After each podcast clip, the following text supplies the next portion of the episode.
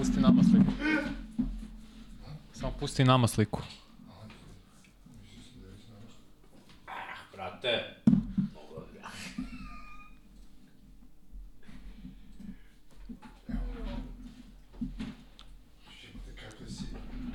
Bandwagonier. Uopšte da ne. Čak ne navim za njih. Ali u ovoj seriji sam ne vidio. Ali, brate, iz ere Kobija sve imamo od njih. To scene. Može? Ja rade mikrofoni. e, ne, bravo. Ne radi, bre. Da, da, da, ovo radi mi drugi. Koji? Ti imamo ovdje dva. Nemaš prava, da. A, is, isključi ovaj što ti je bliži tebi. Sad ću ti kažem. Dobro, spustio sam. Rekao je da gore staviš ti do dana. Može samo da spušta. Može? Uh, digni ovaj. Okej. I ovde 34. Kaj? I ovo stavi na 34, Vanja, jel na... Pričamo u mikrofon. Vanja, tap. Majk, tvoj. Tapče, udarak. Ajde, reci nešto. Nije ni, ovo je. Aj, pa to ti kažem. To je ovo. A ovo je isto moram da spustiš dole. Reči nešto, Vanja.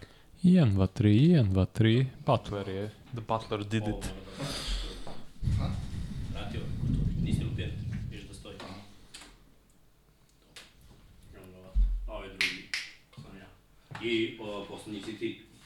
A, hoćemo i to, a? Da, a, gledaj, ne moraš da znaš. Možeš samo ga spustiš kad želiš nešto kažeš. Kada želiš da kažeš, držat ću ga zato što će biti, zato što, tako je. Uh, zato što će biti bolji zvuk, nek ti on bude spušten, ali to si ti, da znaš. I kad želiš da pričaš, samo digneš ga na 34, digneš ovo gore, kad ne pričaš, spustiš jer onda uh, neko Ne penaši, kupi baš. taj zvuk. E, sad može. Pa, mislio sam rekao.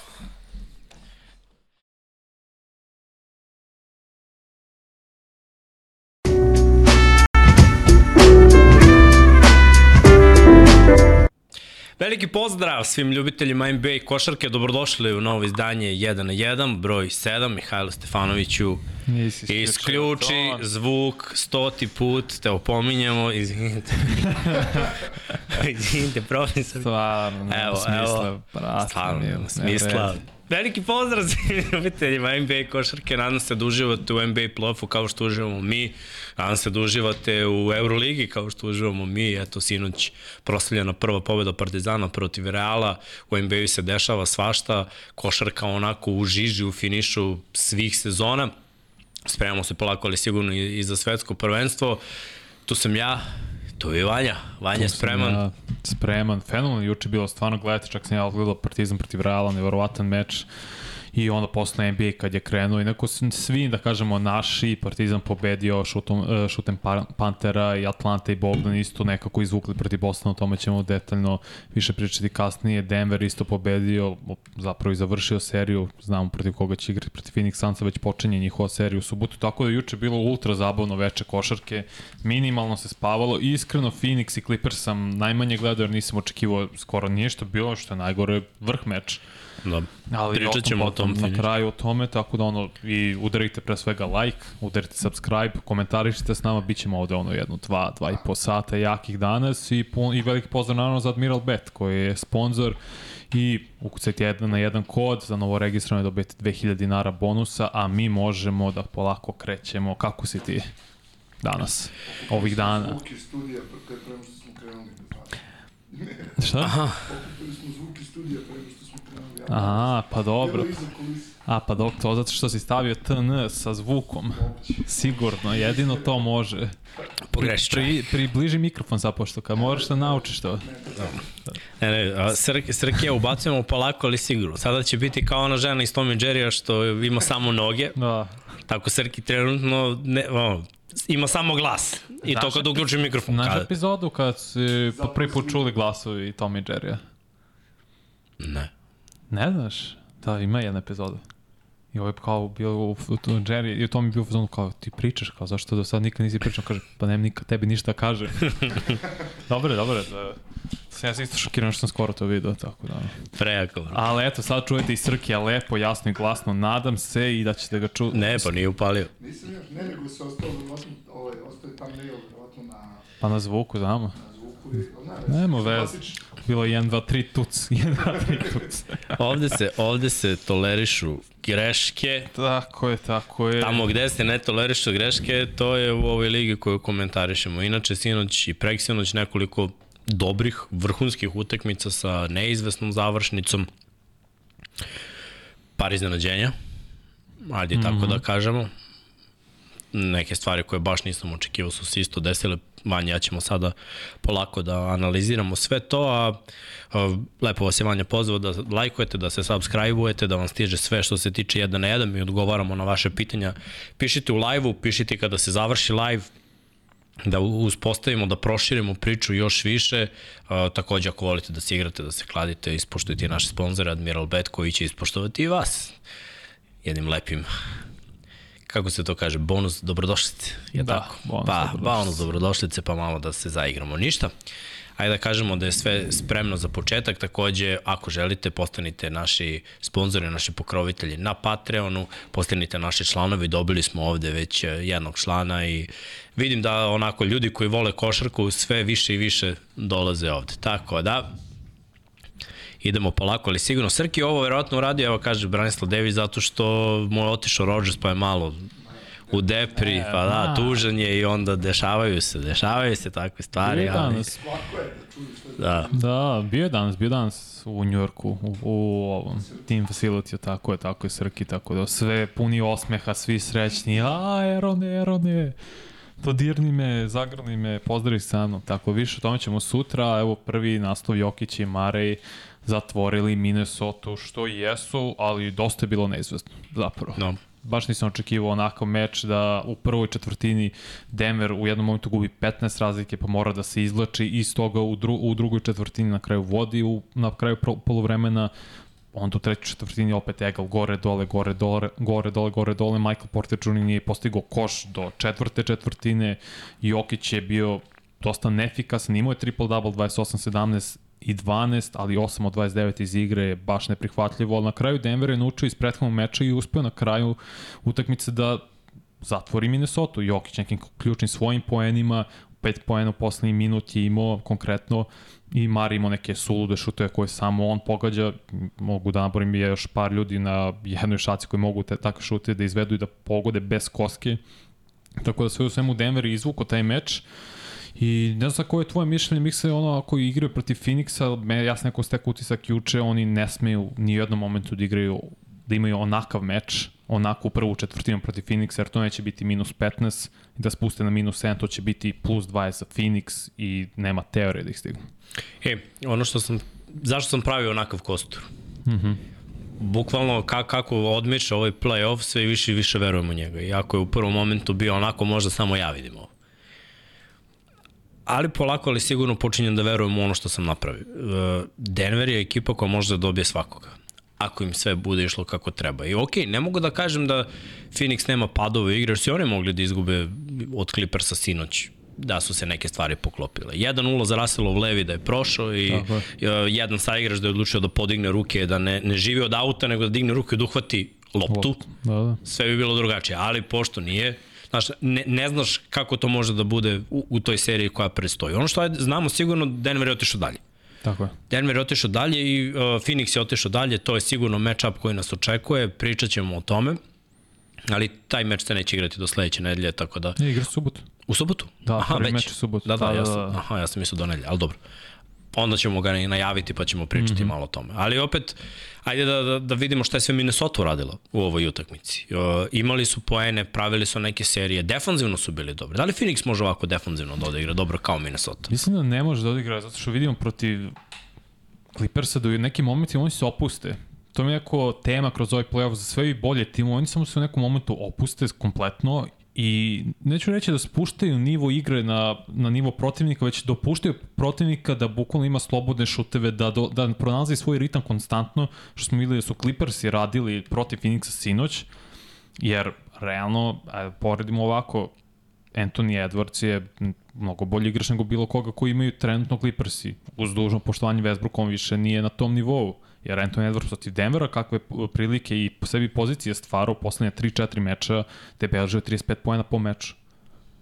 I to je taj atleticizam i šut iz crossovera gde on sko, naskoči, prosto ne može da mu lupiš blokadu, jer je toliko fizički nadmoćen od svih. I igra odbranu, imaju nekoliko isto par lepih blokadi, ali problem s Denvera je što imaju takvog igrača Phoenix Suns. Imaju više njih. Booker, mislim, šta radi u poslednjih četiri Doći ćemo, da. da. Pa ne, ono što čeka sam se ja Mešam pribojavao. njih, ove dve serije, onako, i pokušam napravim neku najavu što ćemo kasnije pričati, ali Denver će imati, Denver je mnogo bolji defanzivni tim svakako nego Clippersi.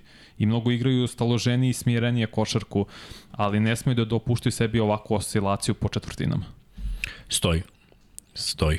Ajde sad ovako, što se tiče izgubljenih lopti Denvera na ovoj utakmici, imali su ih 12.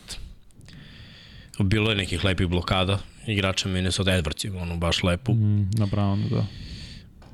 Ali kada pogledamo onako čitav meč i to kako je sve išlo, opet je Denver morao da izlači u četvrtoj četvrtini. I uspeli su. Ovaj put su uspeli. Imali su šut za produžetak. Edwards je promašio šut. Znači, da. moglo da se desi da odu produžetak i onda bi ta četvrta bila 35-35 do tada je utakmica prolazila u serijama. Znači, Minnesota rešila prvu, Denver rešio drugu. Ja verujem da tako može da bude i protiv Phoenixa. Znači, ono, jedna četvrtina će biti bolji jedan, a druga četvrtina drugi. Ali ako govorimo o četvrtoj četvrtini, e ti deluje malo da Phoenix sa svojim superstarovima u tim posljednjim deonicama, kraj treći i četvrt, ovo što smo gledali protiv Clippersa u posljednje dve utakmice, da ne kažem i tri, mm -hmm.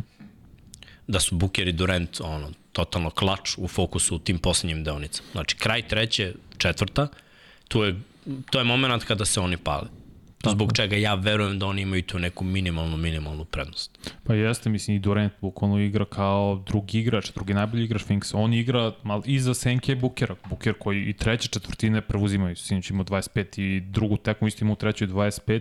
I kako će to da anulira Denver, mora KCP da igra vrhunsku odbranu i mora Aaron Gordon da igra. Znaš ko mora još da se uključi? Baš hoću da pričamo o, mm -hmm. Porteru junior. Da. Zato što je sinoć on zakazao. Ali nije samo, mislim, on ima važne koševe. I u ovoj seriji je imao i ne bi Denver ovo rešio ovako da, da on nije igrao. Međutim, sinoć 8 poena. Nije samo stvar u 8 poena, nego 3 od 10 šuta iz igre i 8 poena.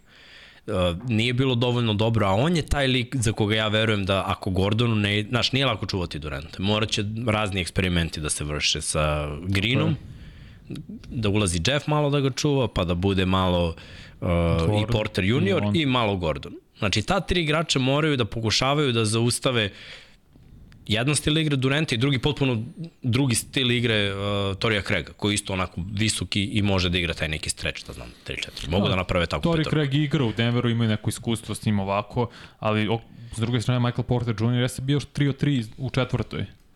I da. dao tu neke ključne uh, pojene, ali problem za mene, zato to sam spomenuo kad je Denver izgubio četvrti meč, kad Jokić šutno 26 puta. Mislim da Jokić mora da šutira do 20, jer sad kad je šutno 28 od 29, to je mnogo šuteva i dosta ljudi je kritikovalo Jokića zašto ne šutira dovoljno, ali mislim da je 20 ta magična, nazovi cifra, da on će biti bolja ako razigrava druge.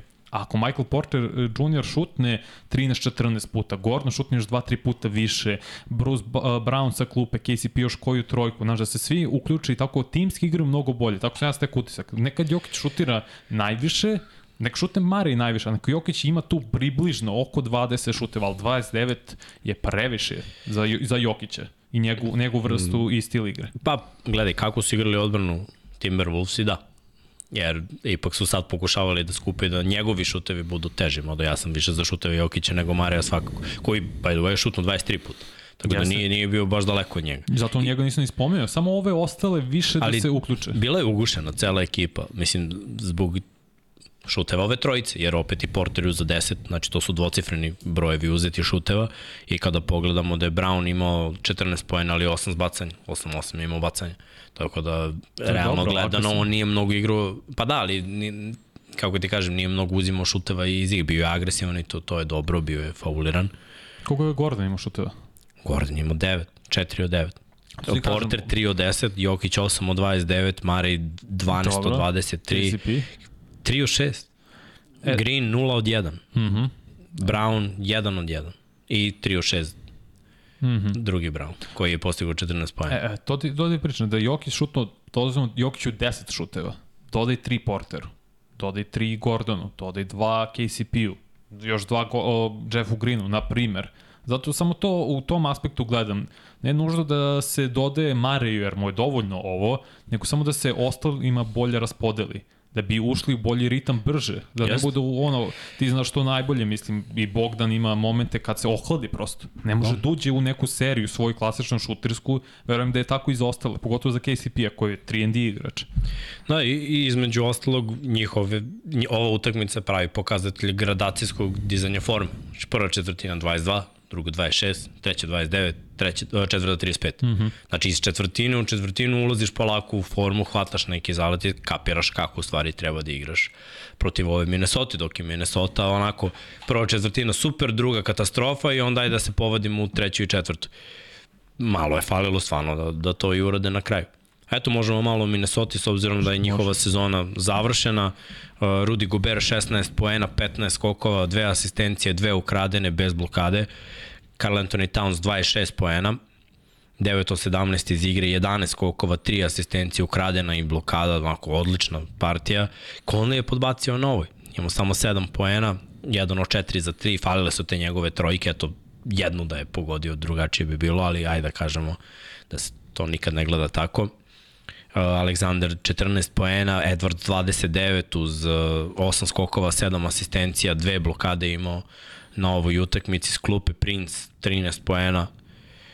On je jedini davao doprivu. Rivers je ušao 2 poena, Noel 2 poena takođe.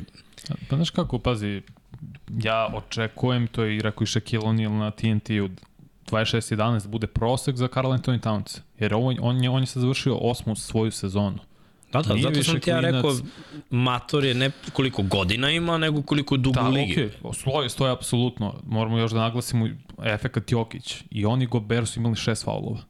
I Da. nije ovo prvi meč da su imali šest. Znači, jedini su igrači koji su jed, dva meča zapravo do sada u play-offu imali po šest faulova. Mislim, to je samo zato što ne mogu da čuvi Nikola Jokića ulaze u probleme s faulima, ali su oni svoje brojke ispunili. Ja ne mogu da očekujem više od njih, stvarno da mi kažu u proseku da će beležiti 16-15 Gobert, ovaj 26 i danas je bio prezadovoljan s njima. No.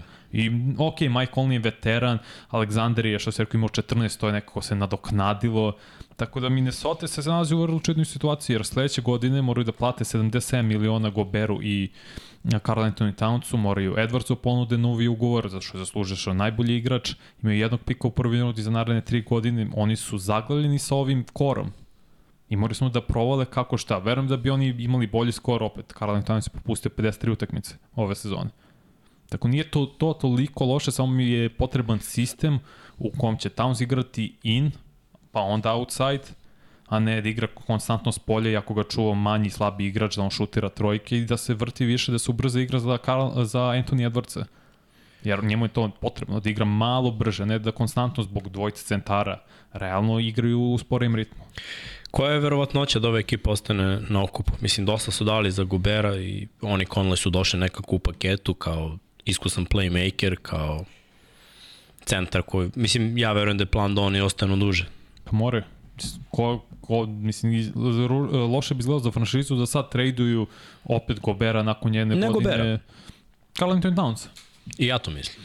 Ja sam to ono, na, napravio sam hipotetički scenario, trade scenario gde oni idu u Atlantu ili kako god, ali to je baš teško. Ti se odričeš opet neko ko je bio tvoje lice franšizi koji po nekim verovanju i generalno kad se gleda kroz NBA istoriju ulazi u svoj u svom zenitu fizičkih sposobnosti košarkaških. To je sada ono, od 27. do neke 32. treće. Pota- To, je, to se za dosta igrača smatra njihovim najboljim periodom potencijalno njihovim najboljim periodom.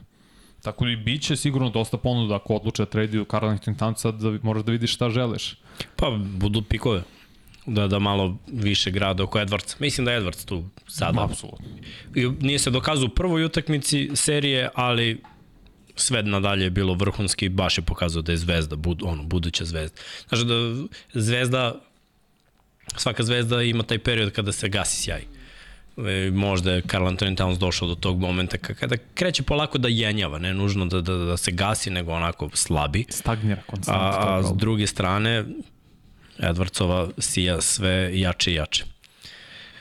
Jer pogledaj ti opet koliko su oni menjali, samo su Townsa ostavili i setimo se, Wiggins je bio njihov projekat, njihova zvezda, tad je u ekipi bio i Rubio, tad je bio Zek Lavini, on je bio njihov projekat i, i njihov igrač mm -hmm. i onako pre toga je bio i Peković koji je on izdominirao duše, odradio to iskusno uz Ukintu, i, da. ali mislim bio je jako dobar dok je bio tu. Ali realno gledano da su gradili ekipu, pa posle Derrick Rose sa, sa ono, svojom rolom veterana gde, gde je pa Jimmy Butler, doprineo nešto, Jimmy Butler je došao. Kicks, što su ga tradeovali, što je bio previše strog prema Wigginsu i Carl Anthony Townsu, što je apsolutno smešno sad kada razmisliš o tome. I opet odrekli su nekih vrlo dobrih, odličnih igrača, kao što je Zach Lavin, koji je all-star igrač. Ti si njega draftao, Wiggins koji je pokazao bude drugi najbolji igrač u šampionskom timu. Možda ne, očekivali su njega da bude najbolji igrač, jedan od najboljih igrača u ligi. Nije on to, ali ok, da budeš drugi najbolji igrač na šampionskom timu, da na više načina doprineseš što je veoma važno i vredno. Samo Minnesota kao da ne ume da prepozna te neke stvari. Dobro, istina. Sve istina. Ajde da se vratimo na Denver. Mm -hmm. I, I da, mislim, pričamo o Jokiću. Znači, još jedan triple-double 28 poena, 17 skokova, 12 asistencija, dve ukradene, dve blokade.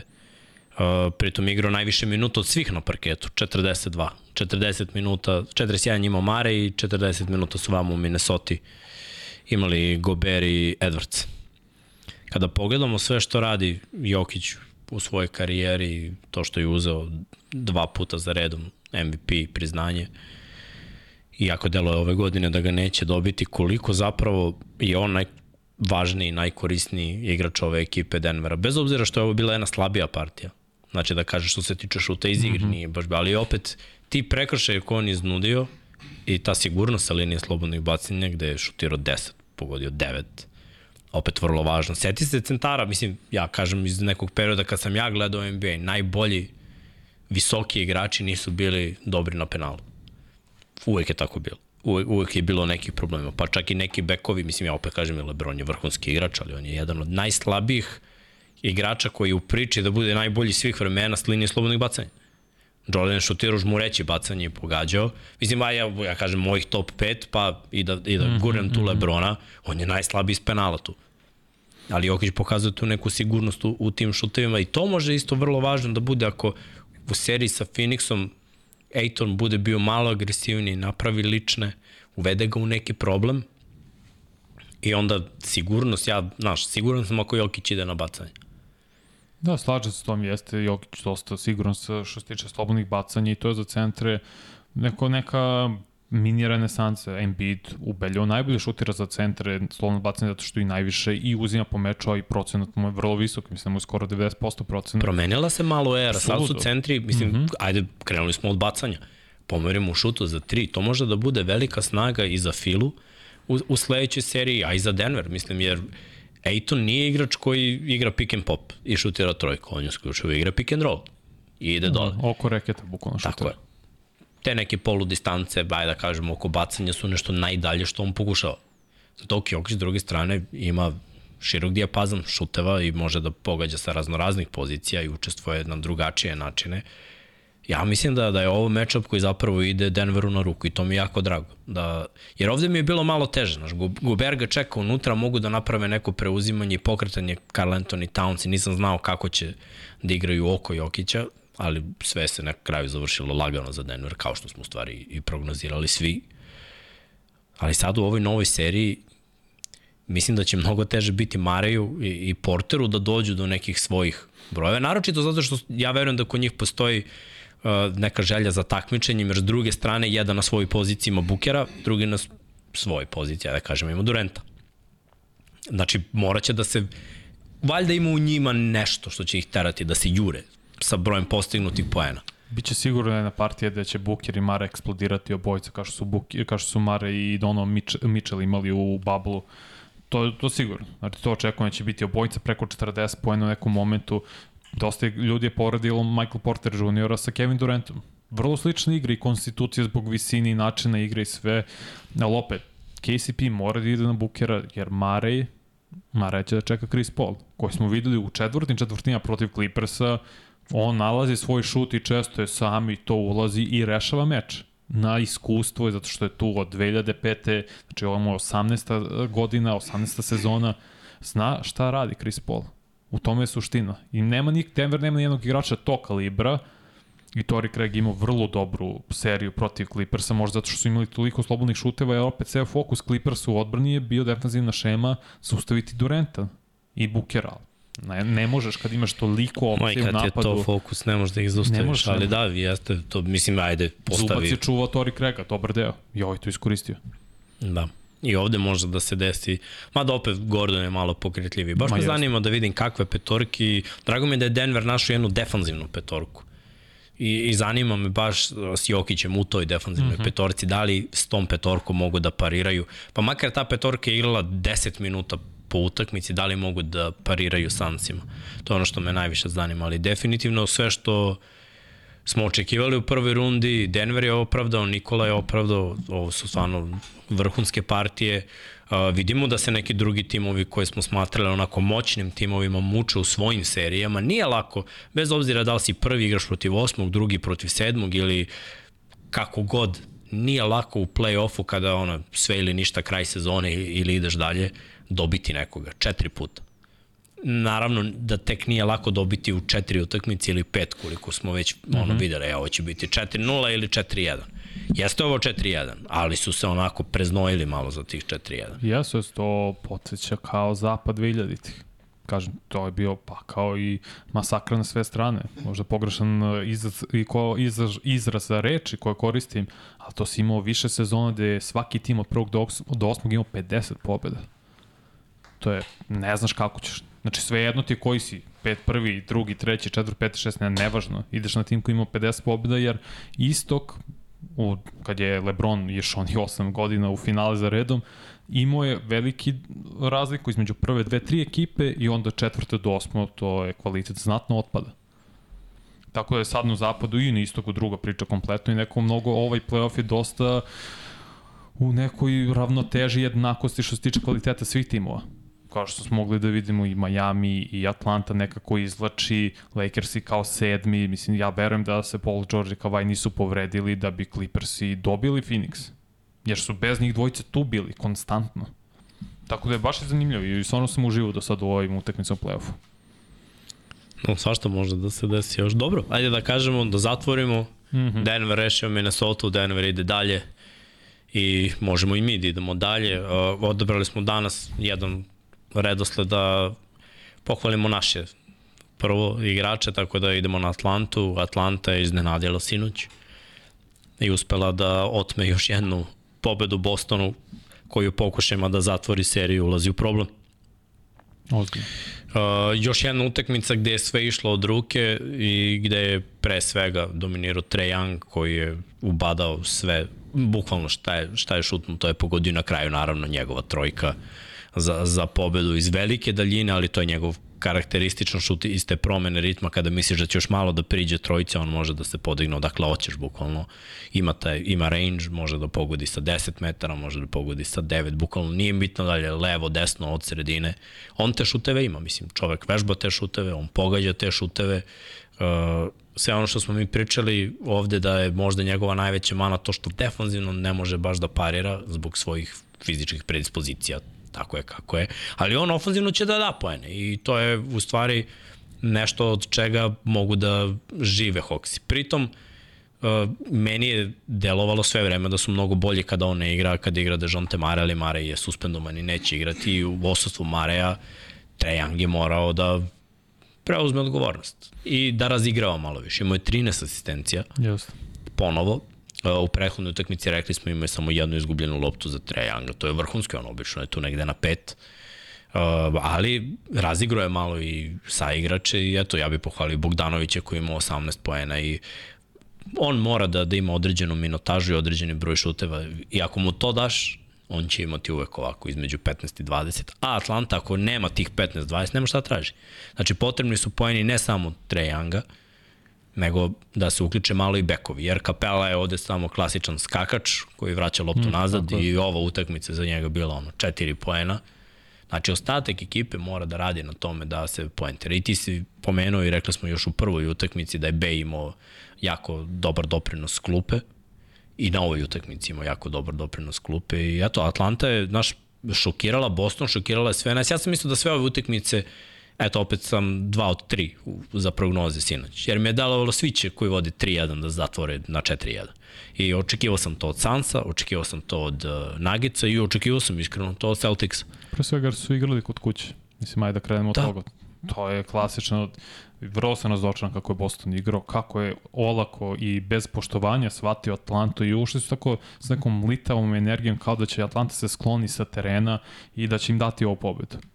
To mi se uopšte nije svilo kod Bostona, jer konstantno to rade u ovoj seriji, sem prve utakmice, gde su dokazali silu i onda na sred prve, sredine treće su totalno pustili gas, bili lako ćemo osvojim. Atlanta je prvi put uzela prvu četvrtinu u ovoj seriji. Boston nikada u svojoj playoff istoriji nije izgubio Tidi Gardenu kada je vodio u četvrtoj četvrtini, ulazak u četvrtoj četvrtini u 10 poena bare. To je sramotno. Ona greške na kraju miksa, šest grešaka, Tatum gubi loptu, pravi faul na Django. Zatim Tatum, tehnička greška nakon faula Horforda na Django, što on izbija loptu, apsolutna glupost.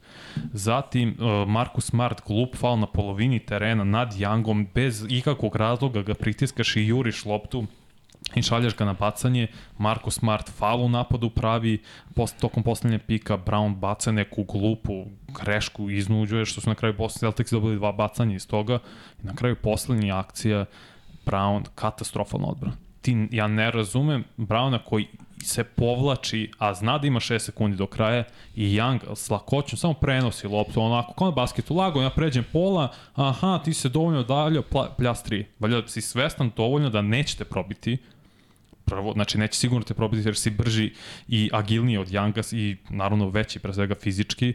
Drugo, trebaš da ga pritisneš jer opet ima samo 6 sekundi do kraja. Ne, iznudiš pomoć ako te probije, mislim. Tako je. I neka neko drugi rešava. Sigurno nećeš da rešava najbolji šuter. Mislim, on je u ovoj ekipi jedan od najboljih šutera. Bezo 14 poena u poslednjoj četvrtini. Poslednjoj 14 je Trae Young postigao. Da, da. Mislim, svaka Trae, čast Trae Youngu, nije, to je za sve, po, za sve pohvale što je on uradio i, ve, i tri meča zarad imao 30 poena. To je, niko nije odradio u istoriji Atlante od Blue Hudsona i 70-ih. Toliko je to, nije ni Dominik Wilkinson nikad uradio. Mislim, Trae Young radio da. sjajan posao nego Boston i je ono olako shvatio celu situaciju. Mogli su 4-0 da i pobedi. Da, ajde malo da pričamo prvo o Atlanti pa ćemo onda dođemo do Bostona. Ajde kad smo kod Trae Younga jeste dao 38. Da to mi je bilo na jednoj konferenciji za štampu najzanimljivija stvar koju sam čuo i od tada sam počeo baš da se vodim time. Patrick Beverly je igrao igrali su u seriji protiv Westbrooka, ne mogu setim tačno ko je igrao gde, nije ne važno. I prvo je bio Westbrook na podijumu, ispričao svoje, dao je 50 poena. Dobro. I onda je izašao Beverly. I onda je neko rekao da, ali Russell je dao 50. I onda je uzeo Beverly ovako stat sheet, papir, gde je statistike i kaže, uh mhm. -huh. pa trebalo mu 40 šuteva da stigne do tih poena. Ko je dobio taj meč? Beverly ekipa. Ok. Za razliku od ovoga gde... Da, da, da. E sad i ovde moglo da se desi taj šut posljednji da nije ušao ili da je bilo. Sad gledaj, samo jedna, jedna dobra defanzivna od svih ovih grešaka koje si nabrao. Samo posljednjih 6 sekundi malo fokus, pritisak da bude teže i da se ne pogodi trojki Boston pobedi. Trae Young je šutno 33 puta. 33, brate. Sad ću da saberem koliko, evo, prva petorka koliko je šutnula svi. Znači Collins 18, Hunter 11, to je 29, Kapela 5, to je 34. Znači njih trojica su šutnuli jedan šut više od Trae Young i Bogdan je dodao 9. Znači, cela petor, četiri igrača, osim Trae Younga, imaju 10 šuteva više od jednog lika. Četiri igrača, 10 šuteva više od jednog lika. Da oni odigrao ovako, oni ne bi pobedili, ali to nije recept za uspeh. Ja razumem zašto on uzima te šuteve, ja razumem njihovu postavku ofanzivno, jer ovo je jedini način očigledno da oni pobede. Da svi šutnu manje od njega. I, I da on šutira i na kraju da samo on uđe u tu jednu zonu kao u četvrtoj četvrtini. Znači, on je imao serije promašaja, a onda je ušao u serije pogodaka. Poklopilo se da je to četvrta četvrtina, da su oni razbili Boston 37-25. Pa da, zato, pazi, Boston je vodio u nekom momentu 13 razlike. Da. I onda serija 15-2 za 3 minuta i ode prednost. Još imam problem sa odlukom Derek White koji je realno u ovoj seriji bio treći najbolji igrač Boston Celticsa u poslednjih 3-4 minuta kad se lomila utakmica kad je bilo ispod 5 poena razlike, minimalno je bio na terenu iz nekog razloga. Više su se na Marku Smarta koji nije imao dobar meč, koji je na kraju krajeva i u poslednjem odbrani njihovoj, on je trebao čuvati Trejanga iz nekog razloga, se pogubio i naterao Browna da, preuze, da preuzme s njim. Tako da i iz tog aspekta mi nije jasno. Jer Derek White je stvarno imao brutalne mečeve Da. kad su pobeđivali. Jeste, ali moralo je opet ta defon, taj defanzivni posed. Evo, i piše, Blago je, kaže, ono što je Kari uradio, da Djeron Fox ne šutira, nego da ga udvojiš. Nateraš ga da dribla u jednu stranu, odakle očekuješ pomoć, i onda kada dođe pomoć, normalan igrač podeli loptu dalje. Šta I je- Barnes ima otvoren šut i ovde treba neko drugi da ima otvoren šut. Znaš šta je razlika između te situacije i ove? Što je Mare, oj Mare, uh, Fox tražio pik sa Barnesom. A, a i Trae Young je ih sve otero. Jeste, pa dobro. Samo se pomerite. Ali naravno da je to uradio kada vidi da je igrač off 5 metara. Tako Mislim, je, tako je. Šta će ti pikad je lik već sam sebi Upravo to, ispikovao upravo to. 5 metara se maknuo tebe. Mislim, to, to je bila jedna velika greška, ali ajde, ajde idemo dalje malo o Atlanti. Collins 22 poena od tih 18 šuteva, 9 od 18 50%, uh, dva skoka, tanko, tanko, baš Malo tanko, za, za ono, igrača koji bi trebalo da ima 10 po mom mišljenju, jedna asistencija, jedna ukradena lopta, ali dobro, postigo je te poene, 4 od 9 imao za 3, tako da eto taj neki stretch koji on donosi, to širenje spacing, to je urodilo plodom. Hunter 13 poena, 5 od 11 iz igre opet, da kažemo da je tu negde blizu 50%, 3 od 5 za 3. Uh, Kapela 2 od 5 uh, iz igre, 7 skokova, mislim za njega isto slabije. Mislim, to je loše skake, ovo, ovo su stvarno... Koliko su skokova? Koliko Atlanta ima kada je ukupno skokova? Evo, sad ću vam ti kažem. Mislim, Kapela, ok, u, u napadu nema nikakav ofenzivni 34 skoka su imali. Strašno. Ali nije Boston bio mnogo bolji, 43, ali ajde da kažemo skoro 10 skokova više. Dosta. Uh, izgubljene lopte, 8 za Atlantu, 9 za Boston. Ajde, to su bili izjednačeni. Ali što se tiče ovaj, doprinosa klupe, tu su se malo, da kažemo, dobili su od Beja 12 pojena, dobili su 9 od Okongua i opet svi su bili osim kapele dvocifre. Skoro. I Okongu 9, ali mislim, Da, da. bi, bilo je blizu. Pa ne mogu. Ta, ta četvrta četvrtina ih, ih je baš izvukla i opet moram da kažem da je Boston podbacio imali su greške i znaš šta, u velikom finalu prošle godine Tatum se izgubio u utakmici koja je rešila na kraju. Nije se pojavio. Nije prvi put da se Tatum ne pojavljuje u nekim utakmicama. Ova nije bila toliko važna, jer mislim, odali su 3-1 sad i 3-2 i ako se pojavi u sledeće, koga briga, ovo je prva runda play-off. Znaš zašto, izvim što prekinem, i pa ću ti posle dati nastaviš. Važno je iz aspekta što ti sada sebi, umesto da imaš dan više odmora, pošto igraš protiv 76ersa koji su ozbiljna tim, mnogo bolji nego Atlanta, ti sad sebe forsiraš da opet ideš u Atlantu, da igraš još jedan meč protiv njih, hala će sigurno biti puna i svi će hteti da te, da ti izgubiš. Tebi me čudilo da izgube. Jer način na koji oni igraju uopšte mi ne uliva nikakvo samopouzdanje da mogu da izvuku taj meč.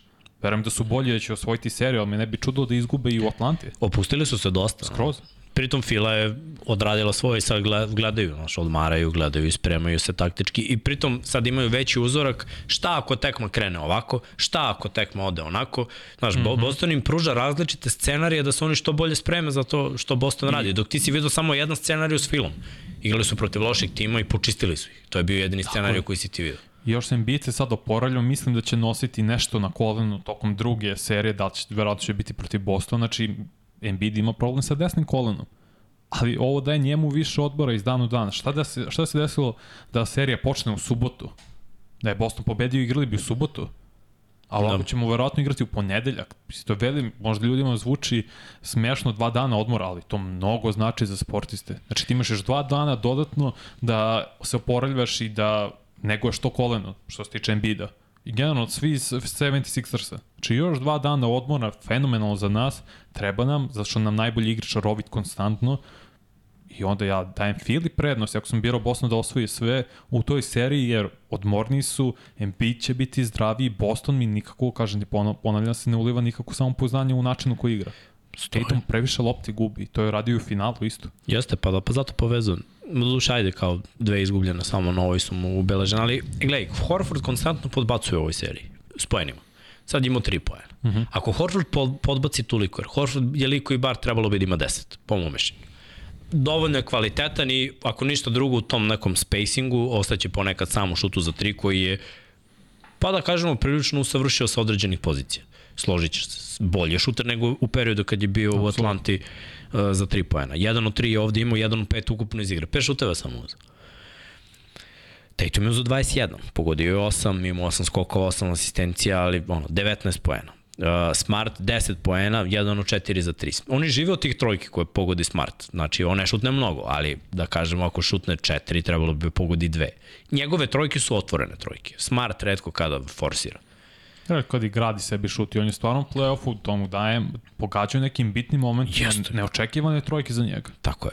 White 2 od 5 za 3, 7 od 11, izigrao 18 poena, 4 asistencije, 5 skokova overall i uh, diferencijal mu je koeficijent plus 9, mm -hmm. što znači da vidi se da je odigrao najbolja partiju iz cele ekipe Boston. Uh, Brown konstantan skorer, kao u velikom finalu prošle godine. Znači on svoje šuteve ima, on svoje prodore ima, 15 od 23, 35 poena. On Samo je konstantan. Samo odbranom u zameru posljednje akcije, da, da. ništa više. Dobro, on primarno i nije... U ovoj ekipi, koliko ima boljih defanzivaca po tvom mišljenju od uh, Jelena Browna? Na spoljnih ili sve ukupno? Sve ukupno, ali možeš da, i posle da kažeš spoljnih. Pošto sve, pazi, spoljnim samo spoljnih bi dao tri. Marku Smart. Ben je bolji White od njega, definitivno. Meni ne bi trebalo da bude White zato što ima te predispozicije da čuva od 1 do 3. Možda si ti u pravu da White igra bolje ovako, ali me ja bi pravno očekujem da bude tuve igrač. I u odbrani i u napadu. Znam šta očekuješ, ali mislim, on se toliko troši u napadu da, znaš, jednostavno ne može da bude na nivou. Smart je defanzivni igrač koji može da pogodi. Te Grant Williams u ovoj seriji. Zašto je igrao samo jednu teku? Ne znam. Zašto je iskido tu jednu teku i nije promašio ni jedan šut za tri pojene? Moguće da nema dva minuta da uđe, dečko. Ne znam, to je do Mazule i njegove rotacije.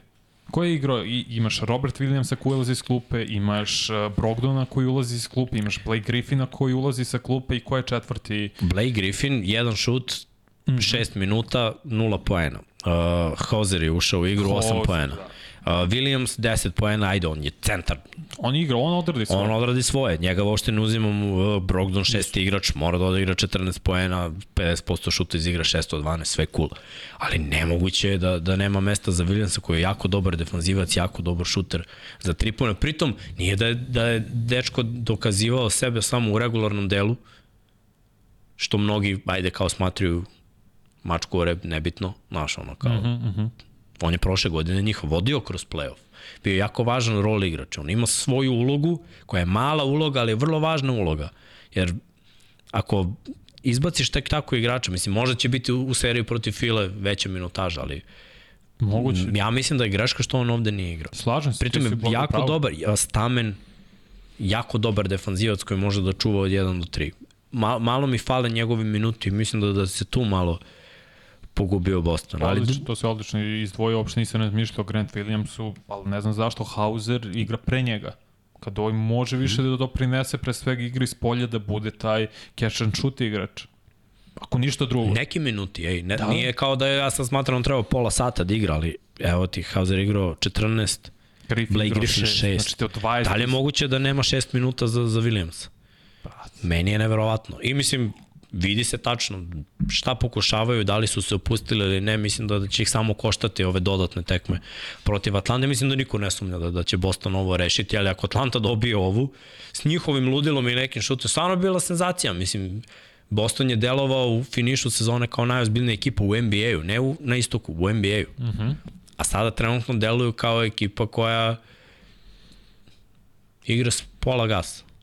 S pola gasa. Tako je. Tako su svi proveli jer druga ekipa je dala gas. Uh, ajmo, ajmo na sledeću utakmicu. Sledeća utakmica je Butlerova rekordna partija.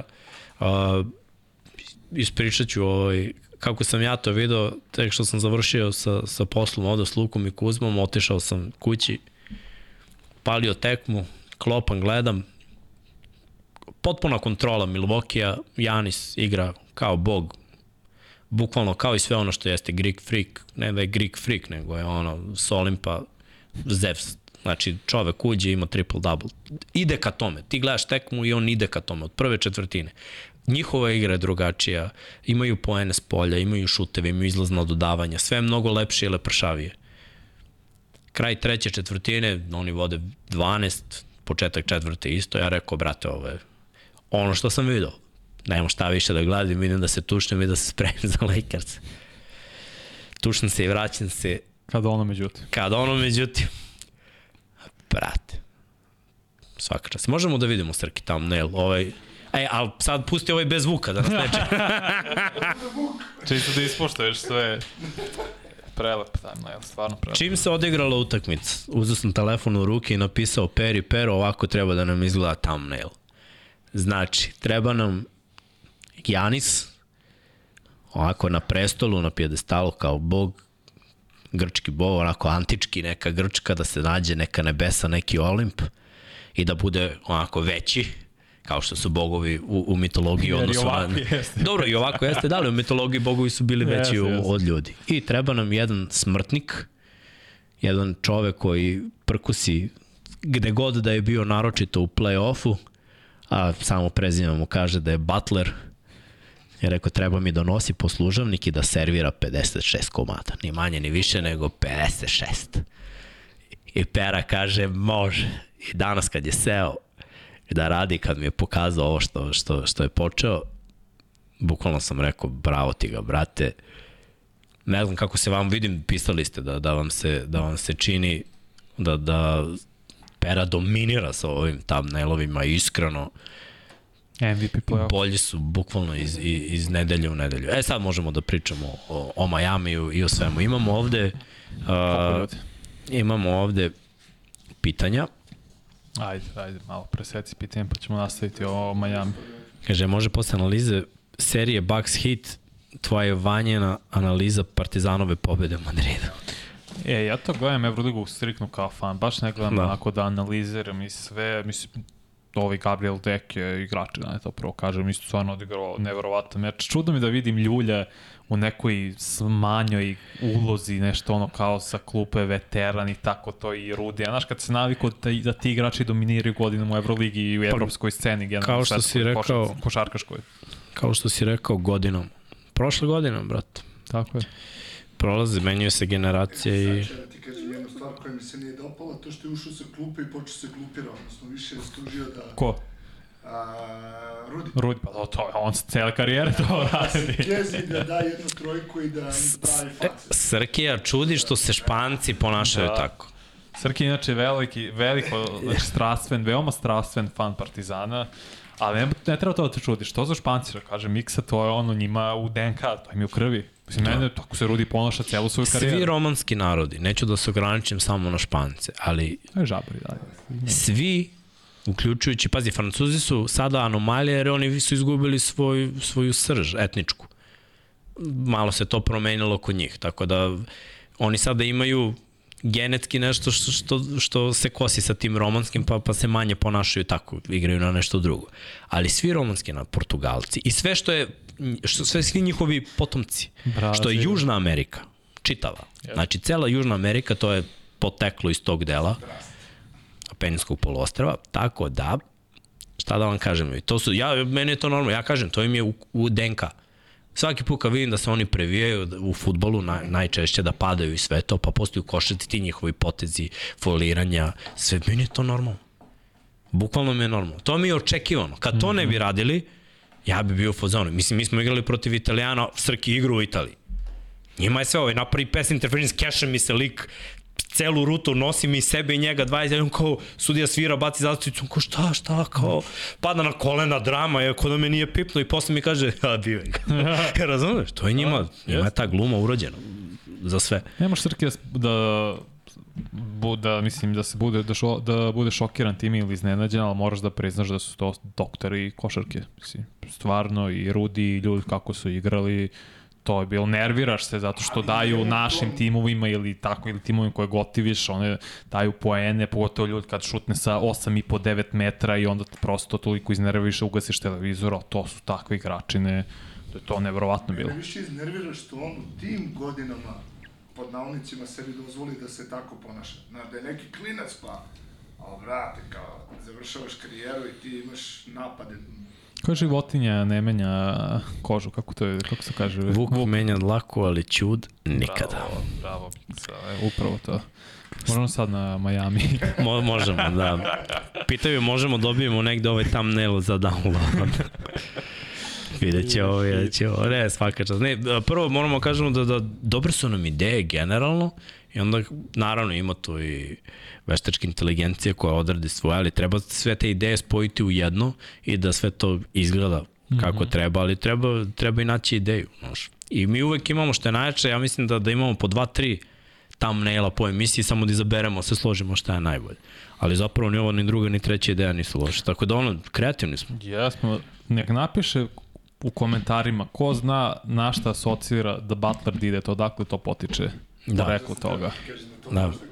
Ne, Inače, da će neko da zna. Kulturni napad, svaka da. prosvetio. Inače, naslov je da Butler did it. Znači, Butler je to uradio. Pa vi nam recite odakle je to. Pa, Nema nikakve nagrade, nego čisto no. respekt. Uh, Jimmy Butler, prva četvrtina, 22 poena.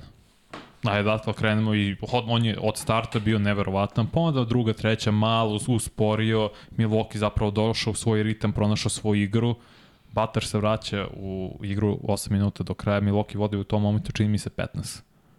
Od, to, od tog momenta Butler je postigao više poena nego čitav Milwaukee. Bilo je neverovatno gledati nekog igrača da tako igra i da sve šuteve pogaća i ono kucanje preko Janisa, kada ga je une u koš i oni step back trojke što nisam očekivao od, od Butlera da ću videti. Mislim, stvarno je bilo neverovatno na, imaš tako neku privilegiju da prisustuješ tim utakmicama da ti prosto dah odosme. Ti vidiš da ne može ništa da ga omete, da ga zaustavi.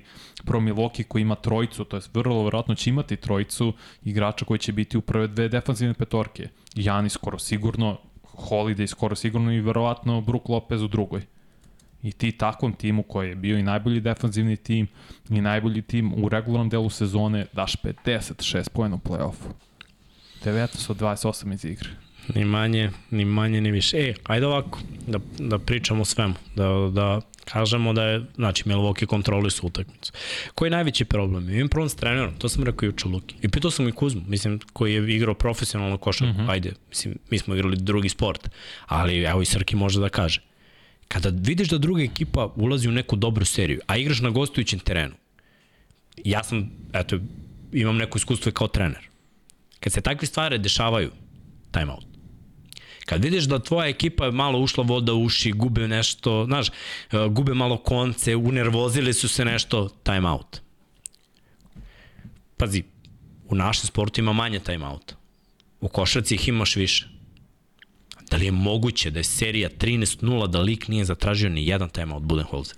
Ni jedan timeout. Ono što treba bude defanzivno orijentisan trener, zato što on dolazi iz Drveta bio je među trenerima koji, na, koji uči od Greg Popović koji je bio poznat po tome da oduzima najbolje pointere od protivničkih timova, nešto nalik Bill Beliček u NFL-u. Gledaj, iskreno, kada je bila serija, znači vodiš 12. Na seriju 6-0 čekaš sledeći napad. I ako taj napad ne realizuješ, a oni uzmu loptu i realizuju sledeći, to je serija ili 8 ili 9-0. To je posljednji voz za timeout tu pozoveš taj, hala je već, jesi vidio halu? Hala eksplod, padaju bre ljudi, jedno, razumeš, sa gornjih ovih tribina, bukvalno ono, divljanje, bacanje majci, vrištanje, znaš, ko je to moment i ti ostavljaš igrače da igraju protiv toga. Jako je teško. Na najvišem nivou da si šampion, da, da si četvorostruki šampion uzastopni, redko ko ima mentalni sklop da protiv toga izađe. Pritom, ti kao ofanzivac, to ono što ja sam pričao nekoliko puta, raznorazni su ljudi. Jimmy Butler ima, ne, ima nešto što ja kažem, ja mogu se povežem s tim, jer kad je na tribinama jako, ja, na primjer, mene to pali. Njega to, on izgori od želje da, da izdominira. Slažem I, I gori do kraja utakmice. I to se i pokazalo. Znači, njega je to vozilo. Sasecimo, sasecimo to. A u dvojga u najgorem taj, slučaju ma ne, promenite. pusti odbranu, traži time out. Ma pusti ga, nek sedne na klupu onako vruć i nek se malo ohladi. Samo nek se malo ohladi. A tvoje igrače smiri. Da ne slušaju buku i onda se dogovorite defanzivno kako ćete da rešite problem zvani Jimmy Butler. Ne da ti donosiš kao igrač odluke na terenu. Ti si plaćen da igraš, ali adjustment donosi trener. Ili vrhunski igrači. Koliko imaju vrhunskih igrača Milwaukee Bucks? Imaju. Trojicu sigurno. U četvoricu zapravo. Defanzivno. Defanziju trojicu. Na bekovskoj liniji. Na bekovskoj liniji. Dvojicu. Ko je drugi? Pa, u stvari, ajde, da dodamo i Janisa, ajde, koji može da preuzme. A Holiday, Holiday je igrao ovu je utakmicu. vrhunski odbrambeni igrač. Jeste, ali ovu utakmicu je failovo, što znači da mu je trebala pomoć. Što znači da je trener trebao da zatraži time out i da kaže, ej, pomozi mu. Tako je. Holiday je, ov, pazi, ja ga obožavam. Drew je meni jedan od najboljih playmakera u ligi. Biram njega pre nekih ofanzivnih skorera, jer je odbrambeni igrač, ima vrhunske finese, levi ulaz, desni ulaz sa zadrškom, dobar šut s polu distance, solidan šut za 3 poena, skok, jak je, stamen, teško ga je proći. Butler ga je raznao u utakmicu. A da, Miksa naši sam da dobar napad pobeđuje dobro odbranu. Sve stoji, Uvek. ali pomoć Uvek. i oslobodiš se lopte. Kako se, to. se sećaš one serije kada Lillard morao da uvek dodaje loptu? Zašto? Je bio udvan protiv Pelicans pre nekoliko godina u play-offu. Uh, to je bilo baš dan, 2018. mislim. Dobro, ima 5 godina, ali gledaj, vidi kako je jedna, jedan adjustment defanzivni. Kada on krene s loptom, kada pređe polu dvojeg, on izbaci loptu, nek drugi rešavaju. To će biti sigurno Da je. Miami imao druge ljude da rešavaju, ne bi dobili ovo tebe. Nisu imali. Evo možda prođeš sad baš na brzu. Ja znam da je ko je jedino bio dobar i pogotovo u četvrtoj četvrtini je bio Caleb Martin koji ima 10 poena u četvrtoj četvrtini. I to je dosta značilo. Miami dobio s- 119-114, ali njegovi poeni su bili možda u nekim momentima i ključni nego Butlerovih. Ali mislim, te, menjanje defanzivne šeme, to je bilo ključno. Zaustavi ga, što verujem, kao što sam rekao, će raditi u petom meču. U ga odmah kad pređe pola. Nek, da, stavi Drew Holiday da igra jedan na jedan s tim, ali pomoć je tu konstantna.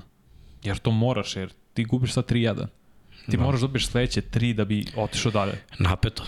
Mnogo je teško, Miks. Redko ko se vraća o, iz deficita 3-1 da os, osvoji seriju. Redko ko. Pritom, znaš, Miami je ta opasna ekipa koja eto, malo može da im krene i, znaš, pritom izgubili su vrlo važne igrače u ovoj seriji. Tako je. Znači, ve, već znamo da ostali su bez hero i nekog ko su uspeli da nadomeste sve to i, i da izmisle nove poene. Naravno, dao ih je Jimmy. Možda neće dati u sledeću i možda će Milwaukee smanjiti na 3-2, ali oni onda imaju još jednu šansu, a onda imaju još jednu šansu. Tako je. Dao si im, nepotrebno si im dao šanse. Tako da bi, bi, bit će napeto. Ajde, krenut ćemo prvo ćeš pobedničku ekipu ili... Možeš od Miami, zato što mislim nema od kome da se priča toliko sem o Jimmy Butleru. Stvarno i Caleb Martin, svi ostali su šutirali loše iz igre. Čak ni Kyle Lowry sa klupe isto, možda on treba više da doprinese u petom meču, jer će biti toliki fokus na Jimmy Butler. Dobro, mada, znaš šta, oni kako, ovaj, kako su ga stavili u ovu novu ulogu da igra s klupe, treba oni da se navikne na to mm -hmm. i nije, nije to baš lako. Ali ajde da kažemo prvo kako su se kretale, kako se je kretao rezultat po četvrtinama. Milwaukee je rešio prvu, drugu, treću i onda su izgubili 41-25 u četvrtu. Jedna od najboljih defanzivnih ekipa kada dozvoli 41 poen u četvrtu, kome god, timu, igraču, bogu ili šta god, nije, nije normalno. Janis, 12 od 22 iz igre, 26 poena, 13 skokova, evo, pardon, 13 asistencija, 10 skokova, dve blokade, ukradena lopta. Mis- Mislim, šta više da tražiš od čoveka koji nije igrao uopšte u ovoj seriji, igrao jednu, jednu četvrtinu i to pola igrao sa, pa da kažemo, diskusom, ali razbio se, oporavio se, izašao da igra. Brook Lopez, jedan od najboljih partija u play-offu, njegova, 4 od 7 za 3, 13 od 23 iz igre, 11 skokova, 36 poena. Middleton 14, mora više. 4 od 12 iz igre, 2 od 5 za 3.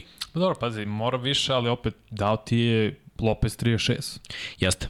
Ali pre bih voleo da je Lopez dao 20 i Middleton da je dao... Ja od Middletona očekujem 25. I Middleton All Star.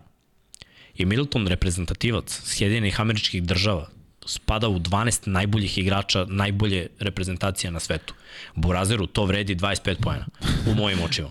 Ruku na srce dosta igrača nije igrao u toj reprezentaciji, pa je on bio ubačen. Dobro. Okay, okay, Gledaj, u bilo kojih 12 da upadne šika, da, to će da stoji jednog dana u Wikipediji, je Yes, tako, da, i da, stajaće da, da, si okej. bio reprezentativa. Što znači da si se dokazao dovoljno da ideš na smotru U razmatranju najgore. Ja, okay, Je- je okay, razumem, tako? Dobro, ka, kapiram, kapiram. i onda igraš protiv Majamija koji nije defanzivno sad neka institucija da ih stavljamo u učbenike. Jednog dana neću enciklopediji pisati kako je Miami ovde defanzivno zatvorio Milwaukee, nego kako je Butler dao 56. To će ostati upisano za vijek i vijekova. Tako da ono, imam problem s tim što je Middleton podbacio. Imam problem s tim što je Drew podbacio. 14. A, opet, zašto su podbacili? Nisu pogađali neke šuteve. To mi je možda i najveći problem, jer Janis ih je ono, pokušavao da ih razigra, on je došao do svojih poena, u nekom su lošem ritmu. I to od, sve od on, malo pre, a možda i baš od onog momenta kad ih je Boston očepio, ona moja noćna mora koja je u stvari bila stvarno s 40 razlike, da. 41 razlike, 140-99. Zato sam ti ja rekao da je anomalija meč broj 2 gde su šutirali 60% iz igre za 3 pojena skoro. To je bila anomalija, jer oni su dobili taj meč samo zato što su pogodili 25 trojki na tom meču. Ali ovo je baš anomalija i na kontrastranu, jer oni nisu ekipa koja šutira 30%. Ne. Oni su ekipa Malo koja šutira malo, pa 40. Aj pogledaj koliko su šutnuli u regularnom delu, ako ti nije problem. Nisam zašto ne znam sad napamet stvarno koliko je, koji je procenat bio u pitanju, ali Miami je nadigrao objektivno Milwaukee u 3 od 4 meča. Jeste. Nadigrao kompletno. Da Milwaukee nije bio blizu pobedi u ta tri meča koji su izgubili. U tome je stvar što je Milwaukee odigrao jedan dobar meč, že sve jasno, Janis je realno od, odigrao jedan meč od četiri u tri koji su on, bez njega i dobili su jedan, izgubili dva. Teška situacija za Milwaukee. Iskreno, nisam očekivao, nisam imao hrabrost da bira Miami, pre svega nakon one partije protiv Atlante, mislim to, eto, to ti je neverovatno, dobije ih Atlanta, on, da oni vode 3-1 protiv Milwaukee. Mnogo čudno, čudno, baš čudno igra Miami, ali mi je drago, baš mi je drago zbog Jimmy Butlera i nadam se da će Miami dobiti na kraju seriju, da će imati neku vrstu dubokog playoff rana, da će doći do možda čak i do finale konferencije, što je bilo lepo za Miami sa Jimmy Butlera i samo zbog toga navijam za njih. Znaš koliko imaju timski u regularnom delu sezona? 47,3%. Za tri. Ili... Ne, ne, ne, generalno šut iz Ne, ne, za tri, za tri. A za 3, To bi baš bilo mnogo za tri, imaju 4-7. da, da, naravno. 37. Mislim, ja te kažem, nisu oni 60% ekipa, ali su jako blizu 40%. Mm -hmm. Mm -hmm. I to je nešto što ja očekujem od njih. Svaki podbačaj taj, naročito od igrača koji su ili all-star ili blizu tog nivoa koji važe za, za, najbolje. Znaš, ne, neće mene razočarati Grayson Allen što nije pogodio ili Ingles koji ni nema toliko neku rotaciju, minutažu, Bobby Port, uh, Portis koji pogodi.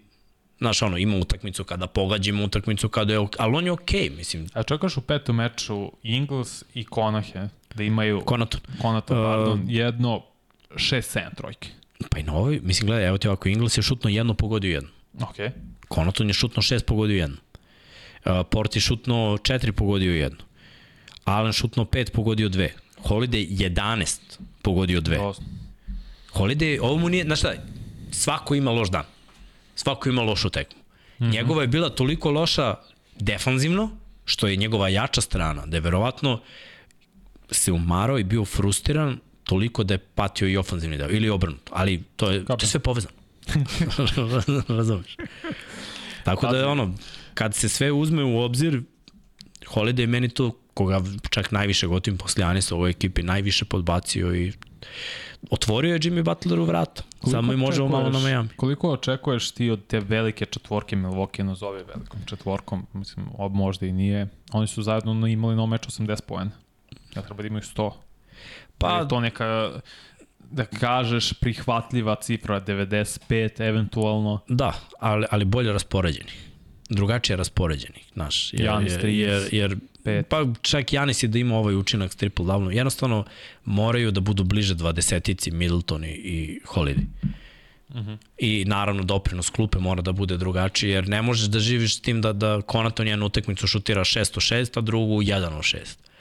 Uh, dobio bi verovatno obe tekme da je šutirao 3 od 6. Njima to treba, samo da budu uh, ekipa iz regularnog dela sezone. Da imaju 40% šuta za 3 i 50% šuta iz igre. Oni su ta ekipa. E sad kad su spali ovde procenti, Gubili su, prva tekma su pali procenti i o, ova tekma. To, to je, izgubili su na, na procente i na naravno nestvarne doprinose Jimmya Butlera. Nije ovo prvi put da tim Budenholzera podbaci u play-offu. To je bila Atlanta koja je to 2016. ili 17. koji kad su bili prvi seed imali 60 pobede i onda su ih samo došli Lebron i Cavaliers i otresli ih 4-0. Da. Očistili. Ćao zdravo. Mislim, drugačiji tim, verujem da je ovaj tim bolji nego taj što je bio, svako ima bolje igrače, pre svega Janisa, ali opet verujem i da je do Budenholzera i do njegove nemenjanje taktike i šeme u određenim momentima. Ja sam prvi ukrivio trenera, tako da ne, nema šta me ubeđaš da je čovjek kriv. Ja, da, da je sve odradio drugo dobro i da nije zatražio timeout da saseče 13-0 seriju, kriv si što nisi sasekao 13-0 seriju.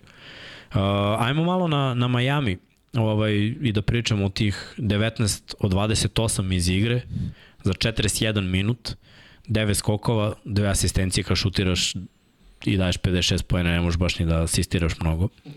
Jedna blokada za najboljeg igrača ove utakmice, to je Jimmy Butler.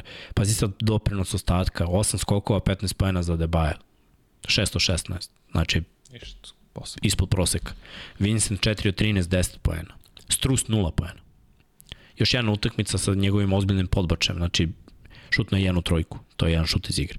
Kevin Love 2 od 6, 2 od 5 za 3. Znači, opet i to je malo neutralisano, jer sad imaju uh, brže kupe kad je tu Janis.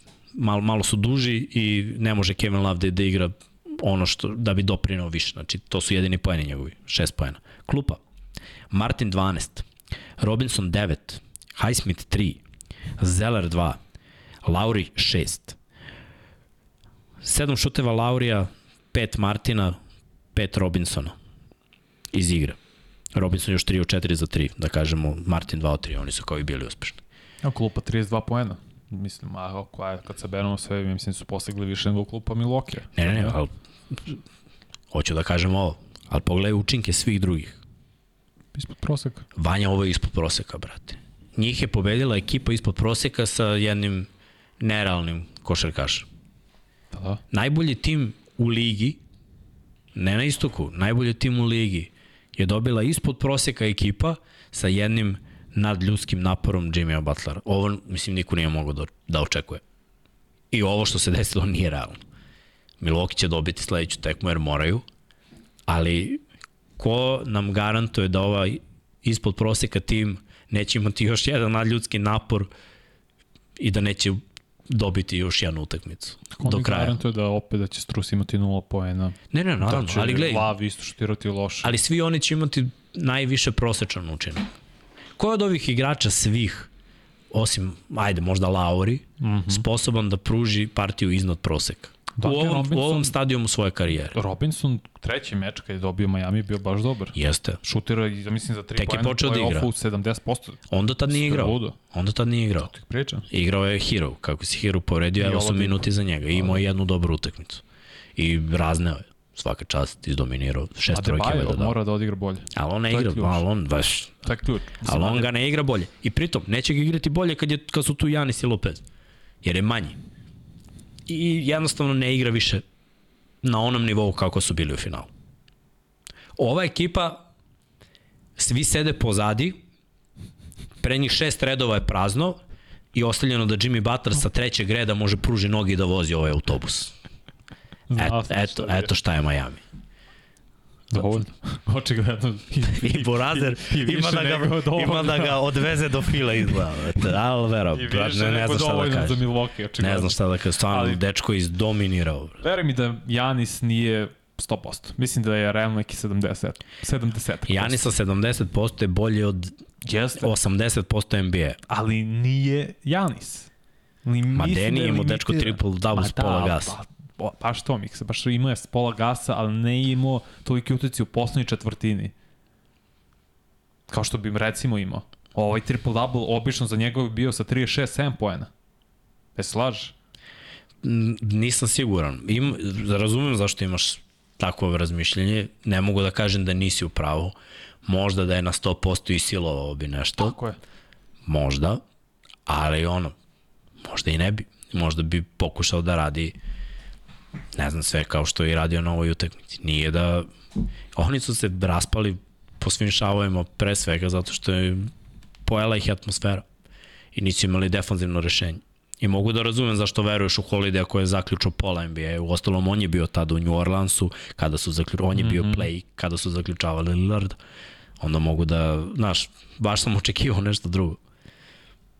Mogu da razumem, kao saigrač da očekuješ od svog najboljeg defanzivca na, na lopti, da neće biti lako nadigran.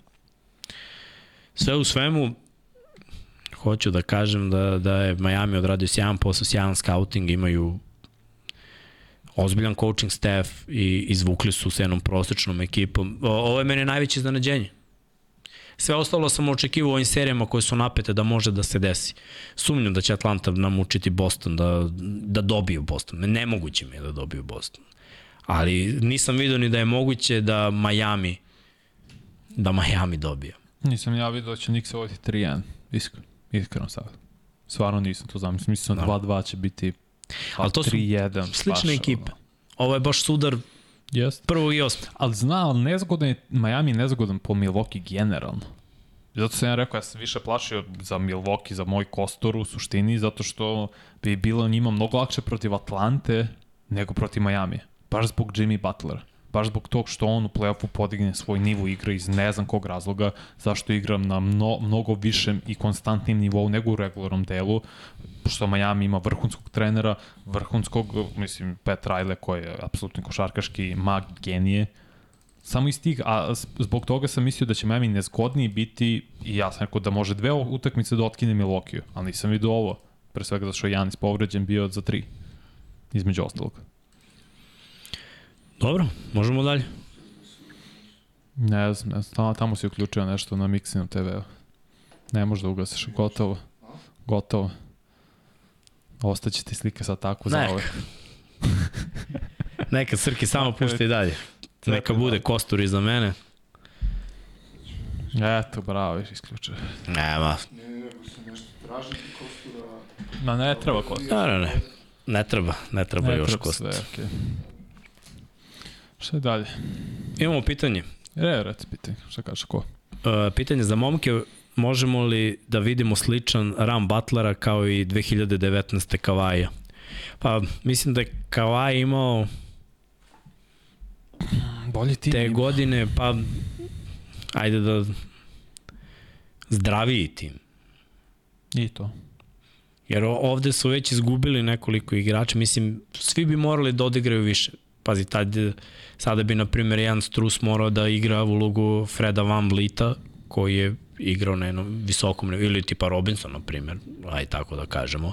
A Lauri bi morao da igra isto onu ulogu koju igra i tada on je jako taj, dobro igrao u, on, u onom trenutku. Uh, Ade, Sijakam, Adebayo. Sijakam bi morao da bude Tako je Adebayo bi bio- morao da bude kao Marko Sijakam. Sol je bio centar, tad mislim se razumemo, bivši defensivni igrač. Miami nema takvog centra. Nema. Nema takvog odbrmenog igrača. Gasol je tu doprineo mnogo, mnogo, mnogo. Anunobi isto bio vrhunski defensivni igrač, krilni defensivni igrač koji mogu da kupi najbolje spoljne igrače drugih timova, pored Kawhi Leonarda. Kawhi Leonard je malo u play-offu bolje nego Jimmy.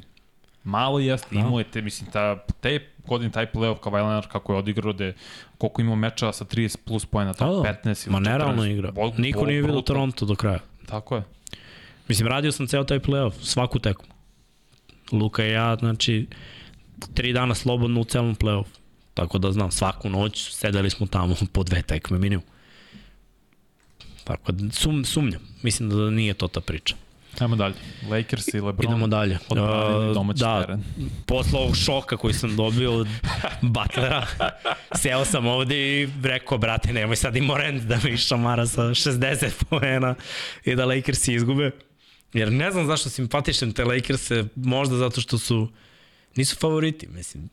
Treba reći da su ekipa od koje se nije mnogo očekivalo da li će proći play-in, da li će ući u play-off, pa onda taj Memphis. Pritom ne sviđa mi se taj neki mentalitet koji ima Memphis simpatije od mene, ali opet s druge strane iznerviraju me ponekad, a tek su naleteli na, na Lakers-e koji su ovako neka skupina, Mm -hmm. ne znam ni kako to da nazovem, ali Lakers igraju onako, zavisi od dva igrača, da li dobiju ili ne. Bukvalno od dva igrača. I kada ta dva igrača odrade svoje, Lakersi dobijaju. Kako dobijaju? Napeto, ne napeto, da li mogu do kraja? Svakom igrom ne mogu do kraja. Sapleće se negde na zapadu od neke ozbiljne ekipe, ali D'Angelo Russell diktira da oni dobijaju ili ne. U utakmicama kad ne može ništa pogodi, oni ne mogu da dobiju. Oni žive od nekih njegovih poena. I opet cela ova utakmica je bila egal.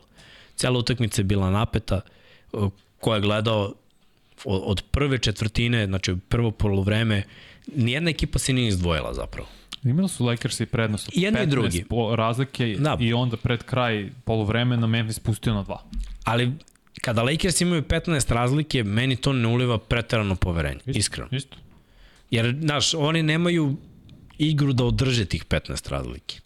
I, i, ali sve vreme ti vidiš, znaš, Memphis, da, gubi, ali oni imaju neke rezonske poteze.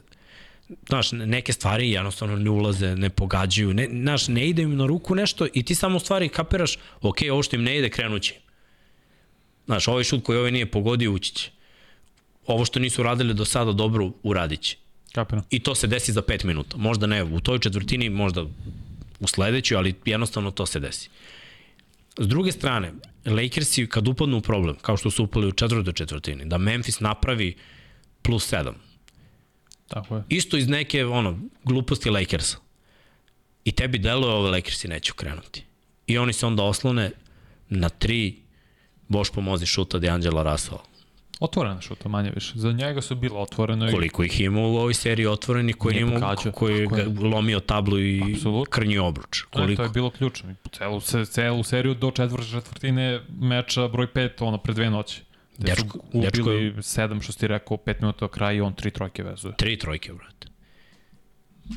Promenio sve. Bukvalno je sve promenio. Opet Memphis se držao, bili su u igri, imali su i oni neke poteze. Tu opet jedna izgubljena lopta Šrudera kad vidim da se zaleti, kad zapuca u reket i onda izlazni pas provin, previše provin. Kad je Pazi, ali Šuler je radio baš dobar posao Jeste, na da. Morentu, u odbrani Morentu u četvrtoj četvrtini i u produžetku jedan poen. On je igrao loše. Bane je bio taj koji, Desmond Bane je imao 14 pojena u četvrtoj četvrtini i skoro sam preokrenuo uh, meč u korist Memfisa. Ja ne volim Memphis, iskreno. Malo mi više muka od njih. Neću pričamo o ovom Brooksu i dalje šaklovan. brate, kako je presekao lopti odradio kontru, ono, radi, radi posao, Ma, mislim. ne, aj, ne radi nikakav posao. Mi koliko je šutno iz igre? Jaren Jackson isto bio jako dobro. Ajde, sad ćemo, sad pređemo na igrače. Koliko je šutno iz igre i posle. Memphis je taj dobro, on nije šuter, tim. mislim, on, Pa znaš šta, nije- on, nije samo puni mislim. energiju. To ono što smo ti ja pričali, ja, kad sam ti rekao ko su meni igrači zapravo, kada, kada pričamo o Memphisu. Bane je igrač. Jeste. On ima prodore, zna da završi s obe ruke, jako je dobar šuter s polu distancije za tri. I pritom taj šut je mehanički lep. Ti kad vidiš ono mehaniku njegovog, Bane, zapravo, Dobro. za košarkaša. na, nabijanje. Ali, znaš, pogledaj ovog Rodija, Koga? ovog što im igra momka. Ro, Rodi. Uh, što je prva godina, znam, dečko je ruki izgleda stariji od mene koji imam 36, sad ću 37. Mislim, ja razumem, ja ne znam šta je s onim, ali očigledno su napravili taj koncept da imaju te malo krupnije igrače i Bane je stvarno kvalitetan igrač. Brooks je silađe koji donosi energiju. a, Mix, on je fake gangster, oni su hteli da traduju. Dobro. U februaru nikoga nije hteo. Fake gangster koji donosi energiju. Nazovi ga kako god hoćeš, on donosi Ne, energiju. više nikoga zove što je smešanac. I na kraju kada gubi, umesto ka, ni on ni Morent posle četvrtog meča nisu išli da pričaju sa medijima, I to je, zato ja nijem problem s njima, jer oni su, to je fake. Kao mi smo jaki, to sve, karakter nula. Kad gubimo, ćutimo, nema nas. Kao ne, ne, ne, ja neću pričam s medijima. Kao mediji su krivi što se ja pona, što su mene okarakterisali kao zlikovca, uh, ja nisam takav, a on to sve na sebe prozvao svojim izjavama, svojim ponašanjem. Mislim, nemam niš kakve lepe reči za Brooksa i mislim da neće biti u ligi u roku dve godine. Znam da je jedan meč šutno 3 od 13, to se vividno sećam, ne znam koliko je šutno utorak noć, stvarno ne setim toga. 4 od 11. Lepo. Ne, ali on nije šuter, mislim. 1 od 7 za 3, on gura loptu, znaš, nema, nema, nema lepu mehaniku šuta i to ne može da ulazi. Mislim, mora da poradi na, na tom segmentu svoje igre. Uopšte, mislim da oni ne zavise toliko od tih njegovih partija, jako je ovo što katastrofa, jednu trojku više da je ubo bilo bi drugačije, ali uh, ajde da pogledamo ovako, čitava ekipa, Morent, prethodna 40 plus, ova 8 od 24 šuta iz igre, 19 poena. Morant mora pronađe drugačiji način da igra košarku, jer on onako ako se zaleće, Miksa on neće izdržati još mnogo. Pa, Onaj pad, kad se Lebron postoji za znam, u napadu, ma ja to pričam sve vreme. ja sam mislio da je izlomio levu šaku. Iskreno, kako je sam vidio da je pao, da mu je bila glava i sve, a ne, on ne može da nastavi da igra ovakvu košarku. Da, Izginuće na terenu. Tako Samo je. i slomit će se. Pa mislim već se lomi. Da. On je igrač koji je najeksplozivniji, najzabavniji, iskreno, ali dosta propušta. Uh, Bane, 13 od 29, 7 skokova, 3 asistencije, 36 poena, on je onako baš opravdao. JJ, 14 skokova, 14 poena, mislim, 5 blokada, stvarno je dobro igrao. S njim baš nemam problema. Mislim, mogo bi možda malo više da bude agresivniji, da rešava, da, da nap, natera visoki igrače Lakersa da uđu u probleme, mada i, znaš šta, i on ofanzivno u tim nekim situacijama, kad da je rešio dve, tri situacije, druga takva. Da, ma je dobro, Anthony Davis ništa nije odigrao, u Nije, da. bio dobar, imao dobro skokove u napadu, skoro ništa nije dopren, tako da su njih dvojica nulirali malo Da. ne. Rod iz klupe 9, uh, Kenard dve trojke, šest, ono što sam pričao, on mora da proradi. Duduš, aj sad je šutno četiri, prošle šutno samo jednu. Za njega moraju da se naprave specijali, da on izlazi, da ima šut iz izlazne kretnje, to, to je njegovo. S druge strane, Lakersi. Ajde ovako da pohvalimo prvo. Rekli smo D'Angelo Russell zato što 17 poena on kada ima više od 15, Lakersi nekako pobeđuju. Ali LeBron prva utakmica u play-offu 20-20. U karijeri, U karijeri. 20-20. Da. Pa da. 22 poena, 20 skokova, 7 asistencija, dve blokade, pritom 3-4 koša koje su onako baš pokazala kad je potrebno tu i dalje. Prvo, posljednji napad za produžetak, da kažemo, finišu utakmice, bilo je poslednje sekunde skoro, ostalo je još nešto malo posle toga, uh -huh. ali lopte kod Lebrona, ja bi iskreno najviše volio kao saigrač da imam takvog igrača u svojoj ekipi, da on ide na prodor. Mislim, čovek je građen tako da ako se zaleti u punu sprintu i uvali rame, ima dovoljno duge ruke da može da digne loptu u vrh table kao što je radio, da niko ne može da zakače taj šut, pa ni najbolji defanzivac NBA ove godine. Sve je bilo savršeno, naravno kada baciš loptu tako sa osjećajima, ona će, možda neće ući odmah, ali to je mekan taj izbače, ona ulazi u obruč, izjednačenje. Mislim, jedino što bi uradio u tom momentu, faulirao bi Lebron i natrao bi da pogodi dva bacanja. sigurno, jer za njega su ta bacanja mnogo teže nego polaganje je. preko četiri igrača. Tako je. I onda u drugom, u produžetku odmah onaj faul kad je bio i kad je bio faul koš, tu je već bilo to. Je, Gotovo. to, da. A energija, mislim, Staples Center, to je zapravo više nije Staples Center, nego Crypto.com arena izgrmela. Stvarno izgrmela. Jako dobra partija, 8 od 18 iz igre, a to malo ispod 50%. Davis 12 poena, 11 skokova, dve asistencije, dve ukradene, četiri blokade. On je ovde bi igrao defanzivno, ali sve ono što smo već rekli za Davisa, ako nije 20-10, no mi interesa nada. Ali opet je imao po, povred.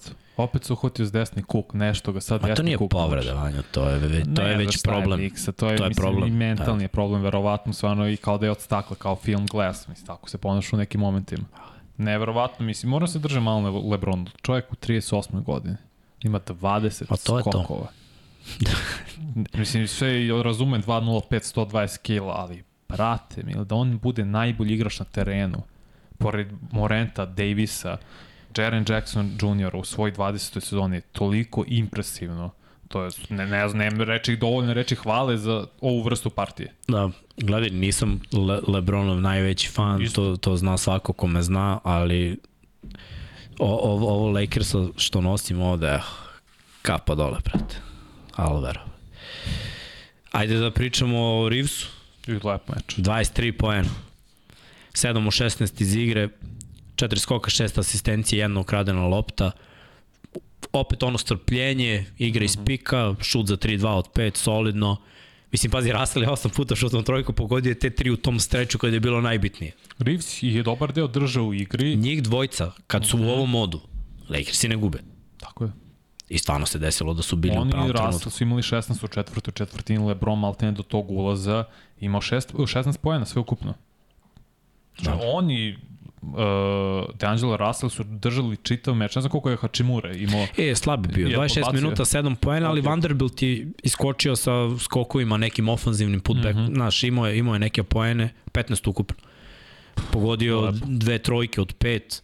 Znaš, im, on je onako malo izašao u prvi plan i Schroeder imao 12, isto s klupe, pola sata je igrao. 606 sa, sa bacanja. Trojku nijedno nije dao, ali ajde da kažemo, bi, bilo je, Bizli ušao jednu trojku je dao od tri šuta koliko je imao za, za tri poena i on bi morao, ok, sad je bar uzo tri, to ono što kažem, nek uzmu, samo nek uzimaju te šuteve, šuteri, moraju šuteri. Uh, Hačimura prvi put da je podbacio, jedan od četiri za tri, ali evo pogledaj, ako je on šutno 4, ako je Bizli šutno 3, ako je Reeves šutno 5, ako je Russell šutno 8, to je bekovska linija koja treba da šutira trojke. Ne, ne treba samo LeBron da šutira trojke, stvarno LeBron James u celu seriju šutira 5 od 27 no, za 3, to, jed... to je neprihvatljivo. Da, ovo je bila loša, još jedna partija, za, za, On je jedan od 7. Više trojki, 27 trojki nego bacanje 22 u čitavoj seriji. Jedino da. to kod Lebronova igra mi smeta što se previše ostane za šut za 3, a i dalje može bilo koga da unese u Može koš. da, ali na šta, kada uneseš tog nekog tvog, čekate Jaren Jackson koji sve preuzima i stvarno dobro preuzima, a ti šutevi onom, ok, možda ne idu sada, možda će krenuti, to Memphis daje. Postoji razlog zašto im Memphis daje ovo što im daje i razlog zašto su Lakersi neuspešni u tom šutu koji je, mislim, otvoren. I kad ne možeš da kritikuješ neko je šutno, si si otvoren šut. Brate, šut nije. Mislim, mm -hmm. ući će. Preću da živim s tim da šutneš otvoren šut, nego, znaš, ono, da probiješ i da dobiješ bananu jer ideš na najboljeg defanzivca godine koji lepi kako kreneš. Mislim, dečko je postao nerealan. Ovo, ako bude se nastavila ova serija, ako bude bila zanimljivija, ko zna koji će prosek ima, on je ovo imao 5, prošli imao 4, mislim. A u sezoni ima 3,5, da, Tako Davis je. isto, ovo imao 4, prvo imao 7, drugo imao 4, pa je treću valjda imao 2 ili 3, on smanjuje malo tu. Imao je 5 u proseku prve 4 tek, ne znam koliko imao Sinić, blokadi 4, ali tako. Tako ono se malčice smanjuje, ali Anthony Davis odmah radi sjajan posao. Biće, biće teško za Memphis, igraju u četvrtak, čini se sad zapravo sutra. Jel tako? Uh, je večeras, a ne, ne, ne. U, večeras igraju. Da, 1 i 30 bravo, večeras. Bravo, da, da, da. U 1 su Knicks i uh mhm. -huh. Cavaliersi, 1 i 30 Lakers i Grizzliesi, 3 i 30 Bucks i Hit i onda u 4 Golden State Warriors i Sacramento Kings. Sacramento, where you at? Kalifornija. E, dobro, ajde da kažemo da, da smo to priveli kraju. Šta bi trebalo se desiti za Memphis u ovoj seriji da da ostanu živi. Mislim, sve vreme su tu. I kad pogledamo rezultate ovih utakmica, znači prvo dobili Lakersi 128-112, tu su rešili. Baš u drugoj Grizzliesi se osvetili 103-93, nije igro moment. A pazi, u toj prvoj je bilo 15-0 serija na kraju. To je bilo egal do bukvalno poslednjih 2-3 da. minuta. Tako je. Uh, I to bez Morenta prve dve. Mm -hmm. Pa onda 111-101 za Lakers i 117-111 opet pr posle produžetka. I to treba reći. Tako da ono, ima Memphis načina da igra, mislim samo da su previše povređeni, da su bili Adams i Clark pa da imaš neku svežinu, da eventualno Jerana Jacksona staviš na četiri i da probaš ono, da im neutrališeš svaki prodor i svaku polu distancu, da ih nateraš kao jednu slabiju trojkašku ekipu da se oslanjaju još više na šut za 3 poena, to bi bio bolji recept, ovako, eto, malo te povrede i sve i ja verujem da Lakers idu dalje. Hm? To slažem se. Smo to prognozirali. Jesmo. Jesmo. Ne mogu stvarno vidim Memphis. Mislim ja sledeću Lakers u šest, možda se desi u pet, jer ne vidim Memphis da dobije tri za redom. Jer i stav im je pogrešan i način igra u nekim momentima isto mi se ne, ne sviđa, tako da bez Adamsa i Clarka preteško je. Tillman se trudi, stvarno, ali on, Tillman inače je manje od Lebrona igra krilnog centra. 2-0-1, no. 6-7. Znaš. Imamo da. nekoliko pitanja, pa ajde da odgovorimo pre nego što krenemo dalje. Kaže, momci, u kom trenutku do igravanja timovi počinju da igraju odbranu? Ovi normalni timovi odma, a ovi drugi timovi ka... Ne igraju protiv ozbiljnih timova. Da. U drugoj rundi će početi odbrane da budu na nekom višem nivou, aj tako da kažem. Jer stvarno nema, ne znam koji tim je odigrao, pa zapravo znam, Knicks su odigrali vrhunsku odbranu. Ta cela serija je veoma tvrda i oba tima igraju uh, nivou, na nekom mnogo višem nivou nego bilo ko u drugim serijama. Hajde ovako, imamo pitanje, kad sam ja rekao da Brooks donosi energiju, Kalu pita da li mislim da je to pozitivna energija. A, opet sve zavisi od ekipe. Mi ga možda malo ne gotivimo i nama je to negativna energija, ali oni u ekipi se svi gotive i oni njega gotive i oni misle da je to pozitivna energija. E sad, i to što oni misle da je pozitivna energija može negativno da utiče na ekipu, ja tako? Mm -hmm. Ti nekad kasno shvatiš da je neki igrač bio ono, kancer, da, da, da je bilo nešto što ti smeta. Ali nikad mi ne možemo to da znamo. Mi smo mislili da je mislim, mnogi tvrde da Draymond nešto kad uradi da je to negativno utiče na Golden State. Ali on je njihov. Oni znaju da žive sa tim i njima je to pozitivno. Iako je celom svetu možda negativno. Zato ja mislim da su i dobili Sacramento u onoj trećoj utakmici koja je bila važna za njih. Iako je sve govorilo protiv njih. I sve što je radio Draymond je bilo pogrešno. Na njihovu štetu. A njima je to bilo, ok, e sad ćemo mi da dobijemo. Znaš, tako da ne mogu da ti odgovorim na to. Imali smo, mislim, ja znam, zna i Srke, igrali smo s nekim momcima koji naprave neku glupost, znaš, rade dobru stvar i onda naštete ekipi. Ali oni su deo tvoje ekipe. To, to, je tvo, to su tvoja braća. S njima si krenuo na početak sezone u pripreme, pa si gino tamo na kondicionom, pa si igrao celu sezonu i sad kad je došao playoff, pa nećeš sada da mu okreneš leđa. Sigurno nećeš to da uradiš. Za tebe je on deo kod nas čopora, ovamo, kako je kad su, me, kad su medvedi na okupu. je isto čopor, a? Eto, deo medveđeg čopora. Krdo. Krdo medved. Uh, ne znam li je krdo. Ljudi, ja ne znam, a vi napišite šta mislite da je. Da. Čopor je Vukova, čega je medveda. Evo pa kao. Kaže, nije šuter, ali ne prestaje da šutira. Činjenica, ali nije jedini. Toga, toga ima. Uh, da, Srki, ti pucaj dalje, a ja ću da vidim da ovde imaš neko pitanje. Dok ti nađeš što ću samo reći, Booker i KD previše za Clippers i napraviti mali uvod. Clippers je rešili, pardon, Sanci rešili Clippers u pet utakmica, dobili sinoć 136-130. Mislim, zabavan je meč, dosta poena, minimalno odbrane se ali opet kad vidiš treću četvrtinu kako su Sanci otvorili 50 poena su postigli u trećoj četvrtini, to je neverovatno. Ne znam koliko je timova to uspelo u NBA istoriji, ali daš 50 za jednu četvrtinu, to je suludo. Booker je sam nadigrao čitave Clippers-e, čitav tim Clippers u, tom, u toj četvrtini ima 25 poena, ovaj 24, ali opet Sanci u četvrtoj četvrtini dopuštaju Clippersima se vraći i da se vraći. Pa onda i Batum krenuo da postiže poene da vezuje nekoliko trojke. Mislim, i onda i Norman Powell mnogo bolje odigrao. Westbrook je odigrao šuterski grozno, 3 od 18 iz igre. I te izgubljene lopte na kraju, kad je bilo 130-128, imao je ulaz po kontru do kraja. I to je to umesto da oni igra toliko brzoplet, umesto malo da uspori i zato kaže ima loše šake, da lepo položi, on mnogo agresivno ide do kraja i tvrdo položi loptu i maši, Clippers, ovaj Sanci s druge strane, valjda Durant imao dva bacanja ili Booker shoot, 132, 128. Opet su bili tu na dva poena, Powell da. gubi loptu ili je bilo pre toga Westbrook dodaje Normanu, ovaj uh, Menu, pardon, pardon Terence Menu, ovaj ne hvata loptu. To Ma nije ni teo da uhvata loptu. Mislio da je Diro Durant da Tako će je. biti out, to je mislio. Yes. Ali evo, mislim, mislio je. Borazeru, ako mi neko kaže da je ono loše dodavanje, znači baš imamo problem da se složimo u, u tome. Lopta je bila ovde. Tako je. Nije mu išlo u glavu, ali je bila ovde. Znači imaš, Sklonio je levu ruku. Imaš ruke. Sklonio obe ruke, ovo je radi. Nemo skloniš ruke, brate. Pritom, taj šut žive od tog šuta. To je otvoren šut iz kornera. Mm -hmm. Koji bi on verovatno, mislim, šta da. živiš da dobiješ auta, već imaš otvoren šut. Je bio defanzivac ispred njega? Nije. Znači, samo je mogu da skupi tu loptu, pa čak i da je ovde, da je skupi, da je namesti i da je digne. Nije to loše dodavanje. Svako dodavanje koje ti je, ono, kad pružiš ruku, da može da uhvatiš, znači, svuda levo od tebe ili desno od tebe, to je dodavanje koje ti odmah dižeš gore. Ti ne moraš skloniš za ovo dodavanje, ne moraš skloniš pogled s obruča. Mislim, ti perifernim vidom kad ide lopta, lopta za košarku je velik koliko ova lopta. Mi smo perifernim vidom prehvatali ovo za američki futbol koji je tri put manja. Da, nije baš tri put manje. Pa, uža dosta. Uža, okej. Okay, da. I putuje 10 puta brže od ove. Isto. Ti kad je vidiš, samo vidiš da ide nešto kad tebi senka i samo u posljednjem trenutku fokusiraš, razumeš? Da je nađeš, ali otprilike znaš da ide, ovo mora se uhvati. A što se tiče polaganja, ceo život Russell ima problem sa, sa levim ulazom, sa, s levom rukom. Jer on ne ide u dvokorak u taj ulaz, on naskače. I brzina kojom on putuje tom njegovom zaletu, jer on uvijek kao da će da ide u desno i onda odatle prelomi naskok u levo. I on je, samim tim on je uvek u tom ulazu ima balans.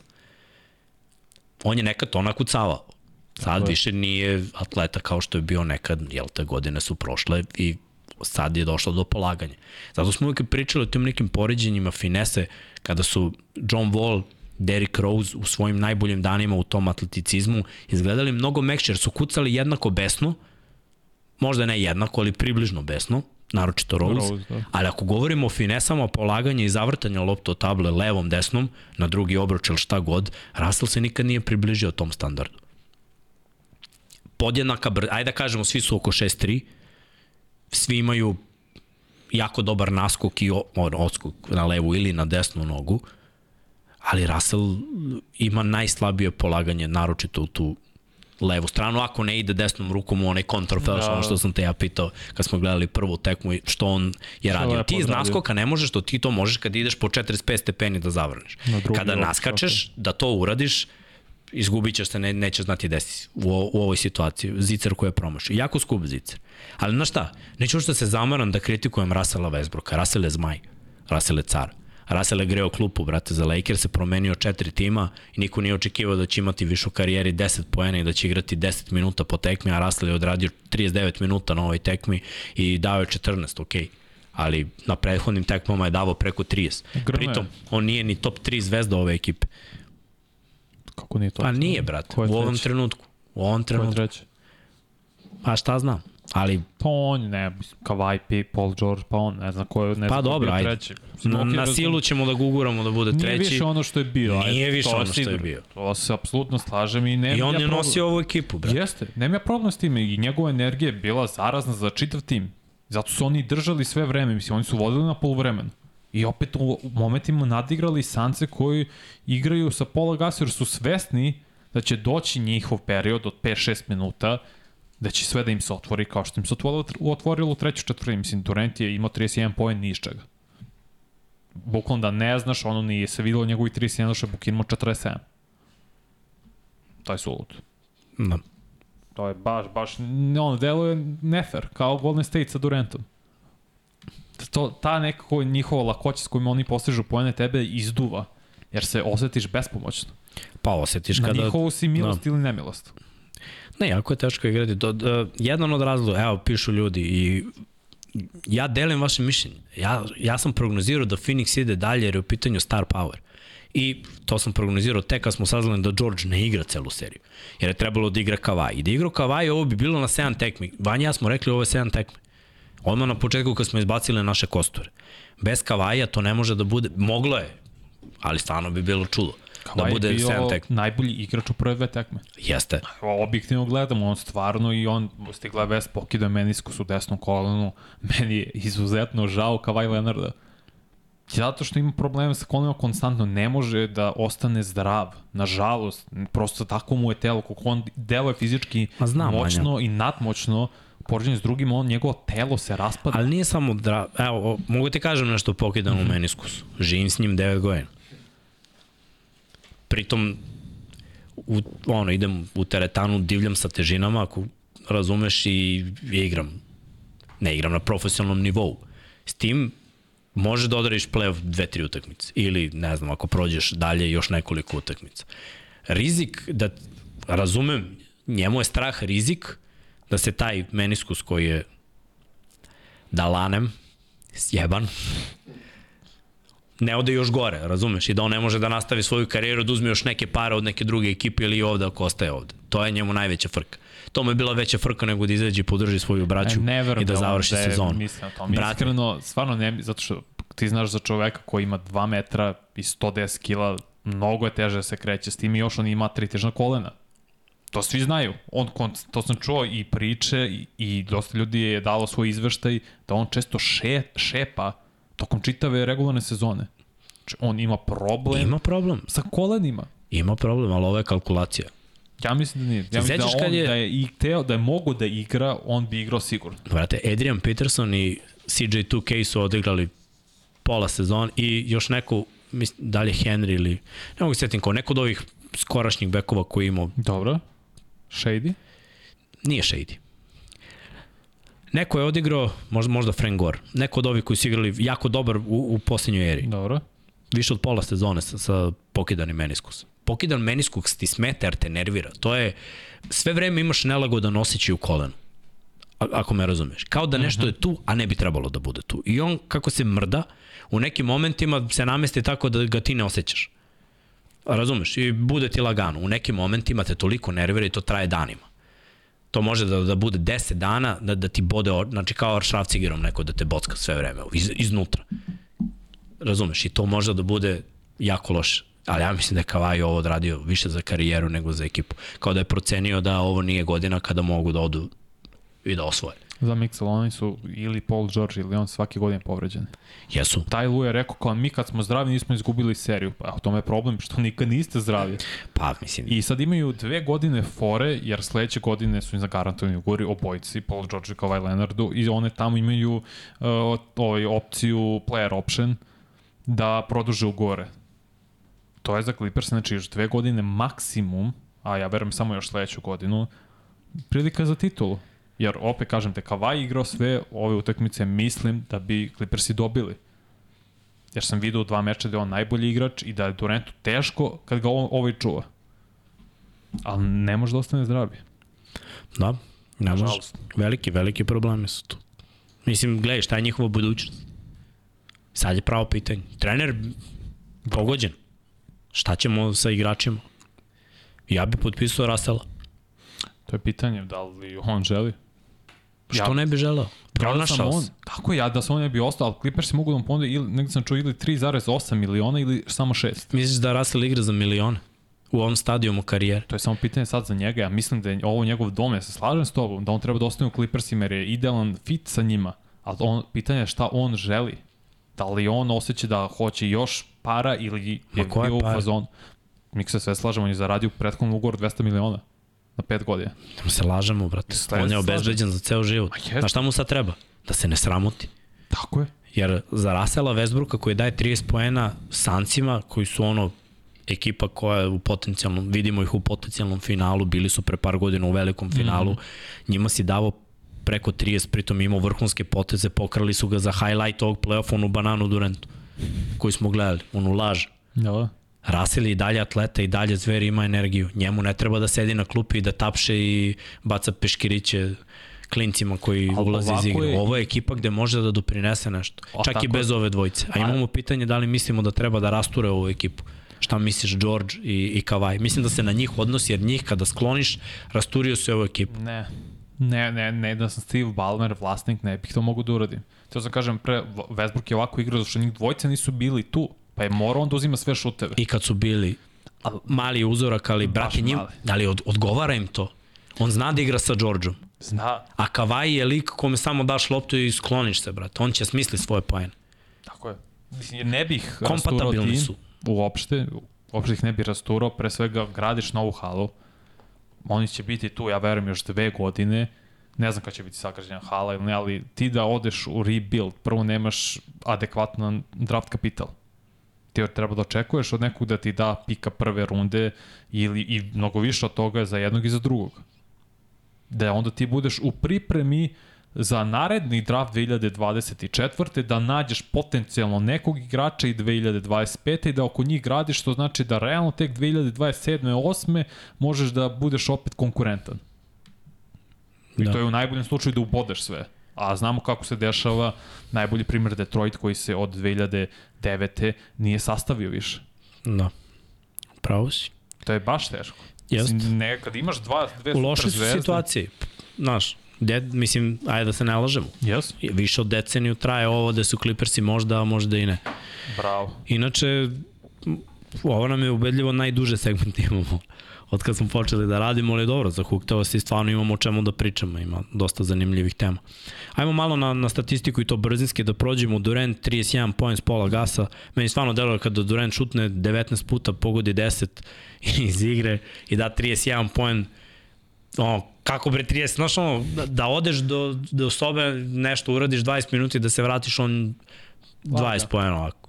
Ne, ne osjećaš. Da. Buker 47, E, Booker je oborio 19 od 27. sve žive rekorde, znaš? Da, da, ma ne, ma, brate, on instant šutevi, sve koje je pogađao. I bilo je par nekih prelepih prodora gde neko izbaci pas i od svih sam Buker. Brate, ja bi imao zaduženje on za nekoga da klubu. bude pored njega i da sluša kako diše. On je grejao klupu na Kentucky, bio šesti igrač u iz klupe. Mora pa šta, Pa ne, napredova. sam pokaže, bi, bi fenomenalni Booker, evo, i šaljem i blago, to sam vidio na TNT, oborio rekord Charles Barkleya po broju utakmica Da. sa 40 plus poena u istoriji s Phoenix Sunsa i sa 30 plus isto. Mislim, jadan Bark na jedno veče sve to desio. Ali on je drago mu bilo. Rekao, Da. rekordi stoje da bi se oborili. Mada eto, Barkley i dalje jedan od najboljih što se tiče broja postignutih pojena u play-offu. Mislim da i on 56 ima ima. 56, Jeste. da, kao i Jimmy. Kad smo već kod tog broja. Ejton, 21 poen, 11 skokova, konačno da vidimo Ejtona u ovome što očekujemo od Mhm. njega. Mislim, u ovoj seriji nadamo se da će biti mnogo slabiji u sledećoj. 15 poena za Krisa Polu, 7 asistencija, 5 skokova, klasikica za CP3-a i Okogi 11 poena, 8 poena Biombo, to je doprinos klupe, 3 poena samo za Šemeta koji očigledno ima malu minutažu i neće ga koristiti na druge načine u ovoj seriji koja je gotova. 4-1 Sansi, 4-1 Denver, to je sledeće. Pričali smo o tome dok smo radili onu prethodnu, ne moramo da ulazimo uh, da, da pričamo sad o tome, najavit ćemo utakmice koje slede. Uh, možemo dalje, Srki, šta god da smo stavili, a to je playoff kostur, playoff kostur gde je Pera odlučio da, ali eto nije zatamnio, zatamnio Minnesota i Clippers se nije zatamnio. Koga? A jeste? A ne vidimo od aparata. Jeste? Jeste, jeste. To, to. A, Delovalo mi je ovako, ali stvari, da, iz, sve je Per, nema, okay. Peru izvini. Više nikad neću sumnjati tebe. Većina serije je 3-1. Da, evo šta znamo, znamo da imamo jedno polufinale konferencija, to su Nagici protiv Sansa, uh, da ćemo malo sačekati Memphis uh, Lakers i Golden State Sacramento. Za Sacramento i Golden State večeras se igra tek uh, peta utakmica, tako da to će još potrajati. S druge strane, Miami ima priliku, ima tri meč lopte. Da. da. Tri meč lopte mogu da reše, Cleveland i opet tri meč lopte imaju i Nixi. I što se tiče Bostona i Atlante, tu će se malo brže rešiti i onda ćemo znati i na istoku ko će Dalje. u jedno polufinale. Što se tiče Kingsa i Sacramento, to je stigla vest nakon što smo završili podcast u ponedeljak. Teron Fox, zapravo tako je. Ima, Kaži prst. Kaže prst povređen, polomljen. Baš mi žao. Igraće, kaže da mu to ne utiče na dribling i ni na šut. Sećam se, mislim, Bryant je morao promeniti tehniku šuta 2010. jer je čitav playoff igrao sa polomljenim kaži prstom. Ali ovako neko, ta sreća koja prati šampionske timove i dinastije, nekad je stvarno neverovatna i u isto vreme frustr, uh, frustrira.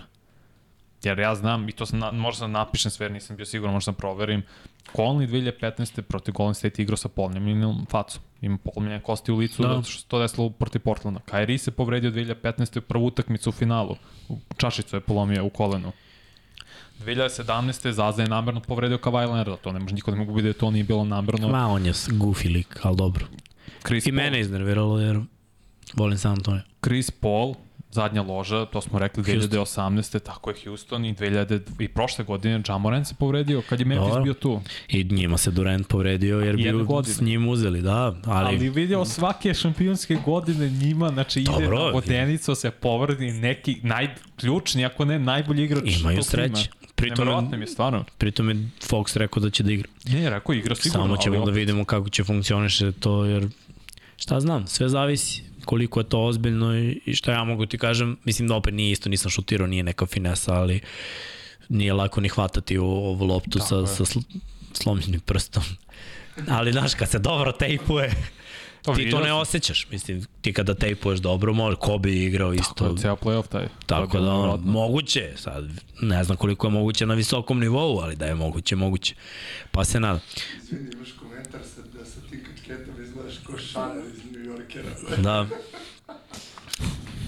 Odličan je kačket. Mogu se Ja, zahvalim svoj lepšoj polovini, što me iznenadila. Slavno je vrh. Stavio je dve nedelje u gepeku dok se danas nisam setio da otvorim gepek. Sa svim ostalim kačketima. Zato Ja. ostale nisi donao. A? Ostale nisi donao. Ma nis. Šta će? I ako se Srki nije potrudio da nam sredi ovde scenografiju da padaju kačkete. ja. Pa da, sad kad izubaci ispust play-offa, sad ima višak, slobodno vreme. Da. Može dođe bo, da bane ovde tamo. Dobro, ajde, ajde da Ja, kažemo da od vesti uh, pomenuo, pomenuo si ti još kad, je, kad smo rekli da će Nick Nurse da bude otpušten kao glavni trener Toronto da bi mogu ime Udoka da ga zameni, međutim ime Udoka je u Houston. Jest. Rockets je jedan mlad tim sa nekoliko perspektivnih mladih igrača i sada dolazi trener koji ima iskustva rada u dve jako uspešne franšize i za dva jako uspešna trenera. Tako je, podloži. Udoka mislim da nije imao opet da kažemo, skandal mm. -hmm. koji nije povezan s košarkom i onima što se dešava na terenu bi verovatno bio na klupi Bostona, ali umesto toga ide u Houston. Da, pa da, i Houston ima potencijalno prvog pika na draftu i to je vrlo važno, mislim da će imati top 3 pika svakako i budućnost je blistava za Houston iz više razloga, jer gledamo zapad polako, Znaš, Lakers i sa par godina, LeBron će otići u penziju, Anthony Davis više, mislim, ne znam, ne znam ni da li je dalje u prime u svom, trebalo bi da bude, ali pitanje da li može tim sam da nosi u 32. i 3. godini. Warriors isto polako se, sve su stari, Steph, Clay, Draymond, mislim da je možda i naredna godina poslednja, zatim ko, ko još ima Clippers isto su u nekoj fazi pri kraju svoje neke dinastije, svoje neke ere, zapravo ne zovem dinastijom, tako da ono, ciklus se sad okreće i to je dobro za Houston, mogu potencijalno da budu ponovo za 3-4 godine jedan top tim u, u, u, na zapadu. Dobro. Nema mnogo vesti, mislim ovo je bilo važno za, za, ima za kako trenera, ima. ove povrede. Markanen proglašen za igrača, smo to rekli prošli put ili to je došlo kasnije? Nismo rekli za njega, rekli smo za, Brogdona za šesti bio. za Brogdona, rekli smo Tako je. za klač Djerona Foxa. Tako je. Ali izabran je Markanen za igrača koji je najviše napredovao. Pa jeste, mislim, bilo je priča da Shea, ali Shea je napredovo od odličnog igrača do all-star igrača, tako, da. a ovo je napredak ipak, Od dobrog do All-Star. Pa da, ipak se taj napredak više ceni. Bravo za Larija. Meni je drago i naravno Paolo Bankero je bio proglašen kao ruki godine. Zvanično 20 pojena, 7 skokova, 4 asistencije, mislim, sjajna ruki godina za prvog pika na draftu, to je sad već nekadašnjeg prvog pika na draftu, tako da ima i Magic oko čega da se rade što se tiče građanja budućnosti. Kako ne mogu setim, Šek je bio ruki godine, njihov prvi pik na draftu, ne znam da li je Dwight bio prvi, uh, ruki godine, ne sećam se, iskreno, možda je bio Okafor, ali nisam siguran. Ko je ludilo u stvari za Brogdana, čovječe, ruke godine, pa šest igrač go je. Mm -hmm. I on je Lepo ove godine odradi. Najbolji trener godine? Na, bre, Mike Brown i Sacramento, bili, rekli smo. Smo rekli? Ja mislim da jesmo. Ne znam da li je bilo još neki vest, to, sam, to mi je ostalo u Pa pamćilu. ćemo ovog. Ako znate ljudi pišete. Paolo Bončero ruke godine Da, to smo rekli. i ostaje nam MVP. Ostane nam MVP, ostane nam all NBA timovi. Da, da, pa dobro, nego individualno. Da. Da, da, da. Još neke povrede, neke vesti pred ovo što ide, pre Nešto ove mi je u glavi da je ostalo još neka vest koja se trebalo da kažem, Ajde Ajde ne mogu setim. Razmišljam, ne mogu setim. NBA home. Ne mogu, ne mogu, ne mogu setim baš. Ako ti znaš ili ljudi, ako znate, pišete slobodno. Nešto mi, kod da mi nešto beže i konstantno. Ali ajde, ako nema, onda možemo dalje da nastavimo. Baš ne mogu setim, stavo mi mozak. Ovo znam za nagrade, to bilo iz Udoka isto, ali ne mogu setim da je bila neka četvrta vesta. Dobro. Možemo, možemo na ovaj sledeći segment koji je Vanja napravio, koji će vam se sigurno svideti, jer mislim da svi obožavaju ova vraćanja kroz vreme i priče šta je bilo neka, šta bi moglo, kako. Da. Mi smo odlučili, to jest ja sam odlučio da podržim Vanju u njegovoj nameri da napravi spisak najboljih individualnih partija u play-offu od 2000. Tako je. Bilo je, bilo je stvarno puno. Nije uzimao u obzir ovo što je bilo pre toga, ali da. eto, od 2000 ti je uzeo i sad ćemo Vanja ja da diskutujemo, a možete i vi s nama. Ovo- Kavaji smo rekli sad dok smo analizirali Da, meniskus. meniskus. To je sigurno bilo, da, to je sigurno Mislim, bilo. da, ne, da se ne ponavljamo, Da, da. to je povreda, ne, mislim, oni su već završili seriju i to je to. Mislim, operacija meniskusa, to, je, to se završi On je jako brzo, rado to je mali rez, očisti si ćao zdravo i pauza je dva meseca maksimum a na tom nivou, drugačije totalno. Nego mi je nevjerojatno da, da čovjek nije odigrao s tom povredom. Ja sam mislio da je zbiljnija neka povreda. Znaš, ono, i da je upaljena patelarna tetiva ili bilo koja tetiva, to, to da ima tendonitis, to, to je mnogo teže, jer da pritom može da njega zbog- pukne i da ne znaš. Mislim da je zbog njega i zbog njegovog situacije s kolenom. Ne vjerujem da će pauzirati samo dva meseca. Mislim da će biti šest meseci pauze, iskreno mislim. Pa, on će pauzirati ta četiri meseca u sezoni, ali dobro. Pa znam. idemo, idemo, na ovo, idemo na ovo što si spremio. Uh, Pera je genije, kaže Marko Pavlović. Pera Kojot, super genije, a mi idemo mm. na grafiku koju smo spremili, a ta grafika je najbolje individualne pa, playoff partije u 21. veku. To je, samo kažemo, nema, nije po nekom rasporedu, no, ovo je najbolje, ovo je drugo, nego sam ono iz glave, čega sam se prvo setio, tako smo zapisivali i možemo prvo je LeBron James protiv Detroita te 2007. ta utakmica kad je dao 29 poslednjih 30 pojena Clevelanda, 25 za redom, računići produžetak, to je stvarno bilo ono neverovatno i neko, mislim LeBron ima mnogo odličnih partija u play-offu. Vi vidjet ćemo ima posle još jedna, jer ovo je prva lista od 2000 do 2009. I ta partija, moram neka kontekst da stavimo, Detroit, ne znam da ljudi znaju, je od 2003. do 2008. igrao šest godina za redom finale konferencije. Istok, da. To je, ljudi, ja, to je Sklopila se ozbiljna ekipa, od te ekipe svi su skoro Hall of Fame. Znaš da niko to nije uradio od 84. od kad se formiralo zapravo playoff sa 16 timova. Da š- bilo su Celticsi da su imali pet vezano sa Birdom, Lakersi sa Magicom, da. ovaj, Bullsi sa Michaelom, Warriorsi naravno ova generacija, ali niko nije šest. Detroit Pistonci i Bad Boy Pistonci, A. ono prvo bitni su isto vezali pet. Znači šest godina Pa gledaj, za redom, to je mnogo teško. Istok je bio u ozbiljnom problemu tih godina. Istok je zapravo bio u velikom problemu od 2000-te Tako je. godine, gde je ono, Fila imala taj jedan izlet sa Alenom Iversonom, posle toga su bili Neci su imali Neci, dve tako godine je. finala. I nakon toga Detroit sklapa jednu ekipu koja je godinama bila među najboljima u istoku, ali zapravo jedino su oni mogli da pariraju zapadu koji je dominirao sledećih 5-6 godina s toga i vidimo ovo, istok je bio oslabljen i mislim, osim tih zvezda što se videlo na ovo staro, imali su oni zvezde, ali timovi generalno su bili vođeni jednom zvezdom, a ovo je, Tako bila, je. ovo je bio tim, ovo je bila skupina dobrih igrača, gde si imao odličnog defanzivca, uh, najboljeg u ligi Ben u vidu. Bena Valasa, da si imao Rašida Valasa koji je jedan ono super inteligentan i polivalentan igrač koji je mogao da radi više. njega 2004. Tako je.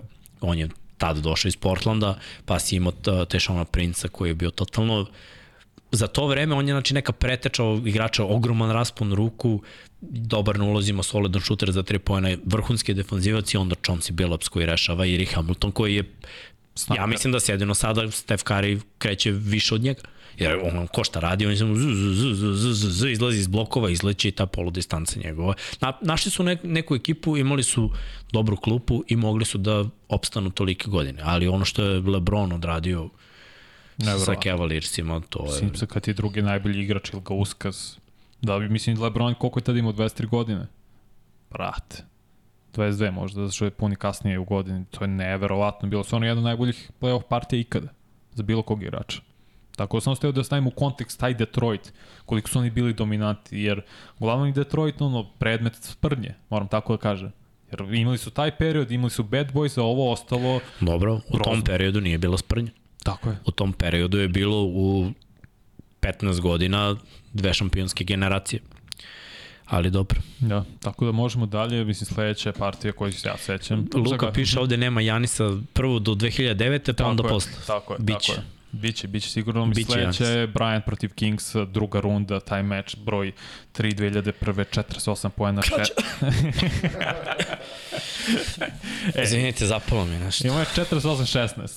Sam neko koji ima ta 22 godine, mislim, to je stvarno beka pre svega. U toj eri gde znamo da su i centri i krilni centri bili u reketu, ima 16 skokova t- na taj način, na toliko raznovrsan način dominiraš, stvarno je ostalo ono, zapamćeno. Ne verujem da mu, možda mu i to je najbolja playoff partija bilo i 49-10 protiv Denvera i protiv Phoenixa, oni sve radni šutovi za pobede i u finalima protiv Indijane kad je preuzeo meč kad je šekao, izašao sa falovima, ali stvarno ovo mi je neko ostalo zapamćeno baš zato što je protiv Sacramento, baš zato što je to bila prva serija koju sam kao mali, sa svega četiri godine gledao, vividno se sećam. Lakers i Kingsi. I onda naredne godine su isto igrali finale konferencije, ali to je bio duel. Stvarno dve najbolje, dva najbolja tima u tom momentu na zapadu. Da. I ne, meni je neprežaljeno to. Mislim da su Kingsi zaslužili te godine. Da, kogod da je otišao u veliko finale te godine bi osvojio, ali Kingsi su igrali najbolju timsku košarku te godine i baš se sve sklopilo i žao mi je. To, ostalo bi zapamćeno da je, da je ta generacija sa dva naša igrača uspela da, da osvoji prste. Da. Mislim da su baš zaslužili, ali eto, desile su se neke stvari i na kraju Lakers je osvojiš. Sledeće ti je O'Neal. protiv Pacersa 2000. 43-19 sa tom lakoćom. Mislim, ljudi ne znam da Shaquille O'Neal od kad je Michael Jordan ošao u penziju, makar meni od 99. do neke 2003. četvrte bio najbolji igrač u NBA-u. Ti njega nisi mogao da čuvaš. Ti znaš, ti si gledao, mislim, Da, da. si vesno, ali ovo, 43-19 sa takvom lakoćom je izgledalo da ono, Indiana Pacers nisu znali šta da rade. Ovo je bio prvi meč, mislim, to je prva titula tri koju su uzeli za redom posle, gde prosto ako te Šek dominira unutra, ovaj s polja, nisi imao nikakav odgovor. Stoji. Ne, ba, bili su dominantni. Nije bilo rešenja. Istok nije imao rešenja godinama za zapad. Do Detroita Istok nije imao rešenja Tako za je. zapad. Tako je. Kogod da je došao sa zapada, koja god ekipa da je prošla kroz taj pakleni playoff u, finišu, da kažemo polufinale zapada, koja god ekipa da je izašla odatle u veliko finale, rešila bi istok bez mnogo muke. Bila je velika razlika. Moramo da budemo svesni. Postojale su zvezde, čak su zvezde bile meni simpatičnije i mnogo bolje. Na istoku navio sam svaki All-Star, tad se igralo još. U, to si jako Uh, tako da sam navio za istok, jer ono, moj osim Kobija koji je bio tu na zapadu, Iverson, Carter, sve je to bilo ovamo na istoku. Pa je All-Star meč 2001. To je možda i najbolji All-Star meč da. ikada. Ne, slažem se, apsolutno. Ma, ja mislim, na sledećoj listi je Iverson ili Tim Duncan, ne setim koga sam sad stavio. Sad će Strke da pusti. Tim Duncan, tu je Iverson. Tim Duncan protiv Neca, eto, to je taj zapad.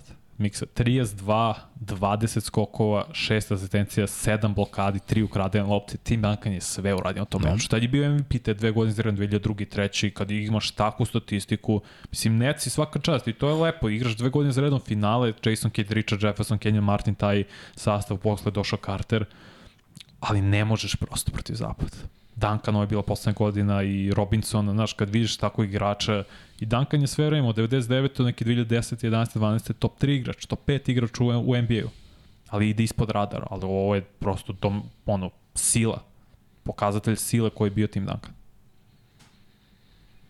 Ćemo dalje. kad smo kod sile. Dwayne Wade.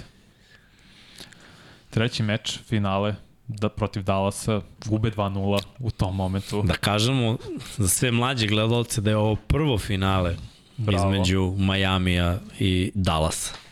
Prvo Tako je. finale koje su rešili Shaquille O'Neal koji je tek prešao u Miami i Dwayne Wade koji je imao nestvarne partije tu, ali to je bilo, znaš kako, Wade kao jedan, kao ruki se pojavio meni je kao ruki već ostavio jak utisak i onda je samo krenuo da, da nastavlja sa, sa, sa vrhunskim partijama mm -hmm. i u tom trenutku njegovo preuzimanje u govornici i čitava ekipa je bila tako sklepana da sam ja rekao ovo su Lakersi 2.0 a Wade je Kobe 2 S- sve mi je nekako delo mentalitet, zakucavanje, energija, odbrana, šutevi preko ruke s polu distance, nek, neka njegova taj mamba mentality kako mm -hmm. je to usvojeno.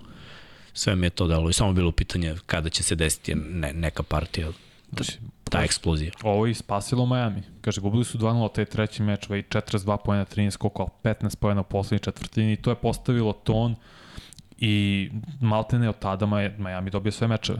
Je bio MVP tog finala, zasluženo, apsolutno, stvarno i ostalim mečevima je grme, ali treći meč kad je on odigrao ovako, kao da je izduvao Dallas kompletno i nisu imali posle rešenja za njega. Šek je bio Šek, bio je dobar, mislim, to je njegova bila i četvr, 14. sezona, već i stariji, sve je odigrao on dobro, ali razlog zašto je Miami tada osvojio je bio Dwayne Wade. Naravno. I što je Lebron osvojio, isto je bio razlog Dwayne Wade, ali Jeste, dobro. može. Evo ga tvoj omiljeni, Allen Ivers. Brate, 2001. ja ne mogu da ti meč. opišem koja je to sreća bila. Bio sam u Zemunu kod tetke, pravio se neki roštilj, motorci tamo na polju, a ja jedini u kući. Playoff, lepo vreme, mislim. Udarilo sunce, ja u gajbi i gledam reprizu ponovo. Da ponovo slavim, brate, kako igra Ivers. Moj omiljeni igrač. Brat, 48 poena, 5 skokova, 6 asistencija, 5 ukradenih. Da, da, i step back, onaj crossover step back mm. preko Tyron. Lua, ostaće večno zapamćen. Lezi Lu. Ma gledaj, svaki potez koji je on dao, ti šutevi koje je on pogađao, sve što je radio Alan Iverson je bilo. Mislim, ja sam u tom, i ja sam trenirao košarku u to vreme i, znaš, ono, bilo je samo pitanje da li ću danas da šutnem 500 ili 1000 šuteva koje je Alan šutirao na toj utakmici. Jer Da. hoću da budem kao Alan Iverson. Jasno. Jer Alan Iverson bio najbolji atlet u tom trenutku sa svojih 183 u NBA-u, ovakve monstruozne partije.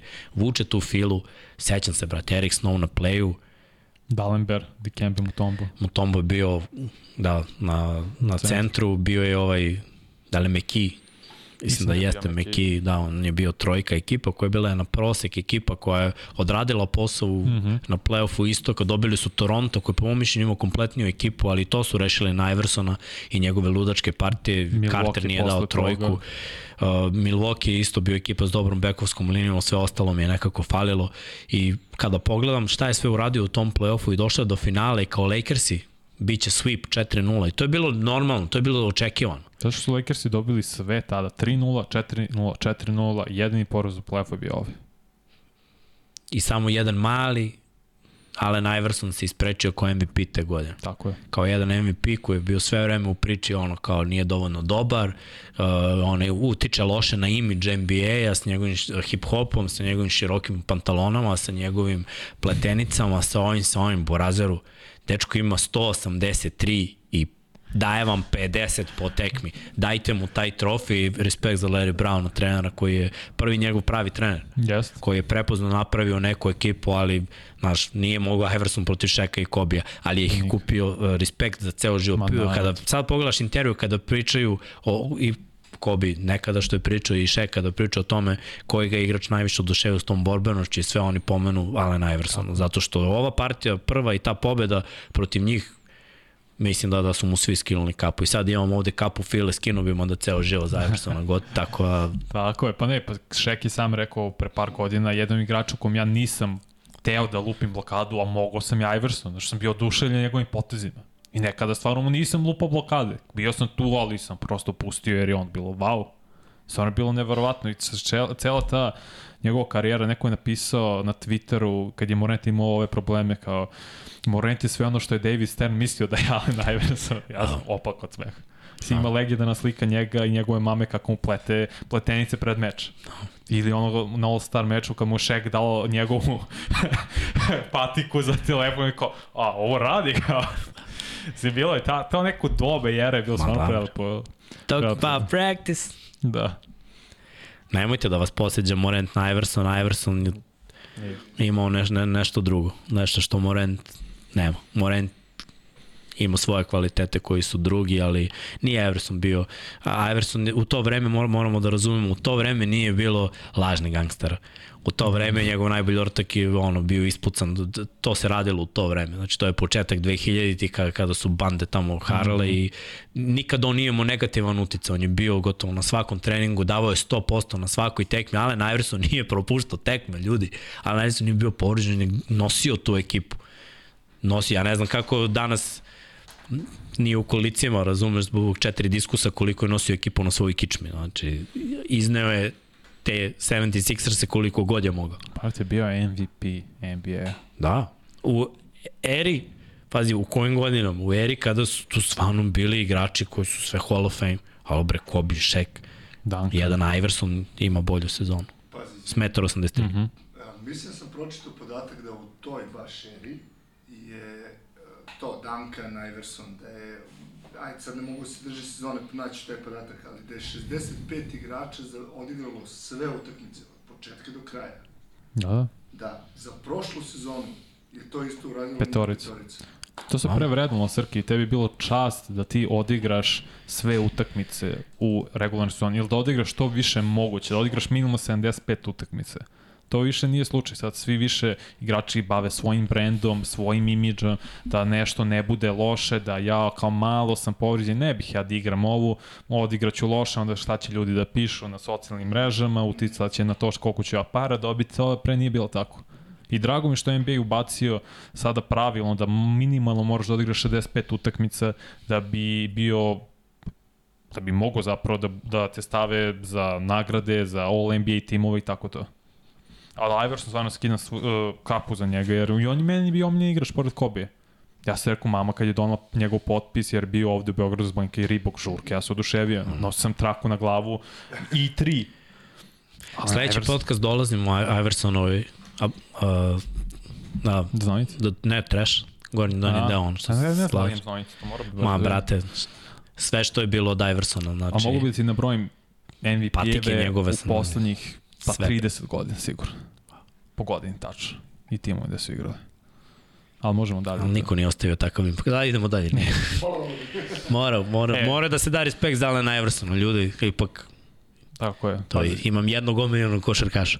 Još jedan Hall of Fame igrač, Kevin Garnett, nažalost opet protiv Kingsa, druga runda, utakmice broj 7, 32, 21 skok, 5 blokadi, 4 ukradene, dve asistencije. Mi tad je Garnett bio MVP lige te 2004. kad je odveo do finala konferencije baš protiv Lakersa su Minnesota koja nakon toga se raspala.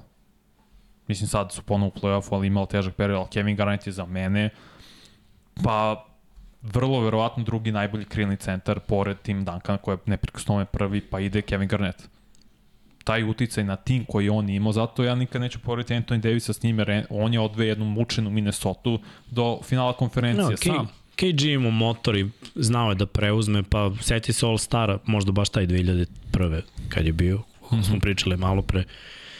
KG uvek bio kandidat da bude MVP All Stara. Ja, on šuteve nije promašivo, imao one njegovi za glave s polu neke distancije, ona zakucavanja, njegova utrčavanja ja, naš, playmakeri su se nekad zaletali jako ka, ka košu i samo ostavljali lopte krilnim igračima i centrima koji su utrčavali. Tako se igralo nekad. Jason Kidd to najbolje radio. I onda, naš, da. KG u jednom trenutku stvarno bio jedan, jedan od najboljih igrača u čitavoj ligi. Ali bilo je teško jer su mnogi želeli da, da se dokažu sami. Da, to je bilo bio, bio je men, mentalitet decenije, ja bih rekao, moram sam. I onda je Iverson morao sam, pa je Carter bio u Toronto, pa je morao sam, McGrady otišao iz Toronto da bi on probao sam. Orlando. Tako je. Ovamo imamo Garneta koji je probao sam. Mnogi su probavali sami. Gde je ono kao bilo jedan all-star, jedna zvezda da proba sam, ali u stvari je bilo jako teško da to uradiš sam, jer drugi su skapirali, ok, ajde mi da sklopimo ekipu i da, da rešimo ove koje... Imali su sreće, mislim, Lakers su 96. potpisali Šeka, draftovali Kobe, nisu oni znali da će da. ispadne ovo. Desilo se. Tako je. I onda su posle živeli od toga, četiri godine bili u, u velikom finalu, uzeli tri prstena. Ali su odradili posao, opet Spursi su imali svoj tandem, prvo bliznace Tako Tornjeve, pa posle su izgradili ekipu, Sacramento izgradio ekipu, nisu imali šta. Detroit je rekao isto. Neti su je. sagradili tim isto. Posle, da, da, i ulazili u ta finala. Znači, bilo je pametnije imati tim ovi jedna zvezda u ekipi da, da, da nosi čitavu ekipu, to nije prošlo. Nije. Dobro, uh, možemo dalje. Dwight Howard, finale istoka poslednji meč, utakmica broj 6, 40 pojena, 14 skokova, mislim, ono si je zapravo, on je kriv zašto nikad nismo videli finale Kobe i LeBron. Svi su očekivali te godine 2009, to je no. ta godina, ali Dwight Howard igrao na nekom nerealnom nebeskom nivou. Dobro bila ta ekipa, ta prati, ekipa imala... Rashard Lewis i Hido no. i... Hido je, brate, brate, iznao sve ono što nije radio u Sakramentu, kao, jer je bio igrač klupe, da. ovde je baš iznao, ali... Jamir Nelson je bio all-star igrač te no. godine, play, mislim, Orlando imao lepu skotsku tim, Dwight Howard, nisi mogu postaviti koš njemu. Mislim, te blokade kad smeču loptu u četvrti, peti red, ono, uplašiš se posle, vidio si igrači se od, neće da idu do kraja, da še on uvek tu. Mi sad pričamo o Jaren Jacksonu, što je Dwight Howard za Jaren Jacksona. Institucija, be. Stvarno ta partija bila njegova nevjerovatna, be. Dobro. Možemo, možemo. Možemo dalje. dalje. Nemo, Dwight je ti godina bio nezaustavljiva sila. Iste te godine Derrick Rose protiv Bostona. Utakmica broj 1 protiv šampiona u tom momentu. Da Ma za Rose mogu da izdvojim 10 partija, ali nek bude ovo. Ne, ovo prva, 20 godina ima ruki i dalje, 36, 11 asistencija. Najmlađi MVP ikada. Tako je. Sve to s razlogom, ali taj nivo eksplozivnosti koji je on uneo, njegov naskog, brati, kapuljača, to je što on, poezija u pokretu. Ja ne yes. mogu to da opišem. To je, to je i dalje nešto, nešto što je ostavilo na mene. Volim te niže playmaker i tu eksploziju, ali uvek mi je žao što uglavnom njihovo telo ne može da izdrži tu masu puta to ubrzanje, taj prkos gravitacije. I to se i desilo Deriku Rose, ali dok je bio zdrav u tim prvim godinama i sve mm -hmm. ono mhm. što je pružao, pa mogu da kažem da sam poverovao u tom trenutku da će Chicago ponovo da ima franšizu samo, koja će značiti nešto. Samo jedna finala konferencije u njegovu eri, povreda. Pa da. I mislim da se razumi bila je velika trojka Miami, a tada na istoku.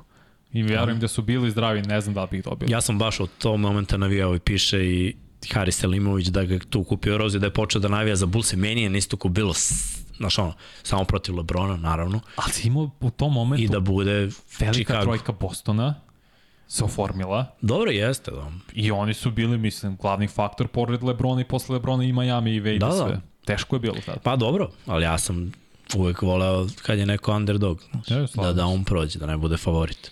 Smo kod underdoga, Steve Nash, druga runda zapada, poslednji meč utakmice broj 6, čini mi se 2000, koja je to pete, 39, 9, 13. MVP partija. Tad je Steve Nash vezao dve godine za redom da bio MVP 2005 i 6. Protiv Dallas je to bilo. Meč pre toga, triple-double, 34, 13, 12 neverovatne brojke, odvoji ih je dalje, igrali su finale konferencije protiv San Antonija koji je prosto bio timski previše dobar. Jeste, pa oni su živjeli od tog pick and rolla Stoudemire i, i Nash. Mislim, on je pre toga bio u Dallasu, Yes. tako da on znao je to. Taj, to je bio ludački tandem. Finley, Novicki i Nash. Šteta što nisu ostali zajedno. Pa ne, za, oni, Lakers i Kingsi su u to vreme bile tri najbolje ekipe na zapadu i San Antonio. Ali, Da, da. Oni su preteča ovih timova sad da igraju brzo i eksplozivno. Da. Koliko, kako su se zvali? 7 second or less. Da. O, o napad. Kako su igrali? Steve Nash, kako. Si ti rekao anegdotu Ko je? kako su me zvali kad sam otišao u školu košarke Partizanu, tamo da... Ne, Nash. Stvarno. Da, a ja, pazi, puštam kosu da pravim kikice ko Evers. I nosio sam to. I jednom nije sestra ustila da mi uplete i ja pustio kosu, razumeš? I sad Ja. nemam ni gumicu, ni ništa, nego kosa onako Baruši i trener jedan, kao vidim ovaj Neš, kao, pošto i on ima kosicu. I Neš, Neš, Neš, brati, krenu, krenu si ima sprdaju Neš i to nekako se zadrži. I dolazi drugi trener i Burazir je mislio da sam Neša. Neš. Pa kao Neš. Kao Nešo, dođi vam. Rekao, brate, ja nisam, ja nisam Neša. o, pa kao, brate. ja, genijalno, genijalno. Šta prelazimo na drugu listu, a, Srke? Evo ga Janis. Mislim, ta utakmica broj 6 prat- u finalu 50 poena, koliko ima 14 skokova, 17 od 19 bacanja, te godine šutira 68,5 sa linije slobodnih bacanja. Da on tako odigra. Sa povređenim kolenom, jer se povredio u finalu konferencije protiv Atlante. Mislim, stvarno je bilo jedan od najboljih performanci u NBA finalu ikad. Tad je uzao titulu i tad je po meni zvanično Ja- postao najbolji igrač na svetu. Ja njega obožavam. Isto? Ja njega obožavam. On je igrica. On je igrač iz igrice koji igra u stvarnosti. Pritom je legenda. Mnogo prizeman, normalan momak. Uh -huh. Ajde da krenemo od toga. Nevezano za ono. Znači, ceo njegov život, cela priča, kako šta, kako je došao do košarke, kako je se izvukao iz košarke. Bio je u Beogradu kada je Grčka igrala ovde, ne sad ovo, nego još pre. Ovo pre nego što je bio MVP. Mm -hmm. Pre. Ovaj, I ekipa moja s kojom igram košarku ga je videla i ona kao, bili su u jednom lokalu i oni kao, e, kao Janis se može slika, Borazer kao važi i bilo je mračno unutra. Brate, on je izašao napolje s njima, ispred, da bi on uzeo rukom, jer kao ima duže ruke, da, da bi se slikao. Kao da. Pa ovo je jedan ortak, zovemo ga, zovemo ga drvo razgranato, jer stvarno ima duge ruke, ali Jani zapravo ima duže ruke njega. Brate, zamisli ko je to legend. Što bi to mogu? Mogu da uradi ono, kajde, ono, paljba. Da. Ali nije. I onda kad pogledaš, kad je uzao prsten, ja sam gledao njegov live, sledećih sat vremena kako se u kola, kako se vozio tamo onaj chicken, da pita, sad sam postao šampion, ne mogu da dobijem za džabe. Ljudi staju, krenu da, znaš ono, dolaze ljudi sa svi brate i svi da se slikaju, svi da se snimaju, dok on ide 20 na sat sa devojkom tada u kolima, lagano, sa svima, sve super, on je jedan toliko pozitivan i normalan lik, ja. razumeš, a čudovište na terenu. I ta partija, je bila sve one kritike, jao da, ali nije dobar šuter, jao da, ali nije to to. Pa Harden i nije skill da imaš 2.15 i da trčiš i zakucavaš svuda. Borazeru nije skill, ali ajde, ima, uradi to. Mislim, gde su drugi od 2.15 ljudi što ne rade ovo što radi on? Kakvo je to bilo partija? Bacanja, bez greške, što si rekao. Bez greške kada je bilo najbitnije, 60% je. imao te sezone. Tako je. Brate, Dobar respekt. Da ti kažem, ja da se držim malo na Janisu, ja tako gledam kao najbolji igrače, ja ih volim po godinama da ih ono, organizujem i sve to. Kad je on uzao titulu, tad je on meni postao najbolji igrač na svetu. Jer ja verujem, ima neki period, ja kažem od 90. do 98. To je, od, do 98. to je bio Michael. Sigurno, bez premca, sa sve pauzom, kao šta god mogu ljudi kažu. Od 99. do neke 2003. četvrte, kažem četvrte, mislim da je bio Shaq. Najdominantnija sila, niko nije mogao ništa. Mislim da je od 2004. 5. do 10. bio Bryant. Od 11. do 18. bio LeBron. I sad imaš taj period 19. 20. da je Durant, jeste, nije otišao, Neca nije uspeo ništa da uradi, mučenje sa povredom pre svega nije igrao tu sezonu, Kavaj je uzo, da može to da ponovi, on je tu konverzaciju, onda iskače Janis 2021.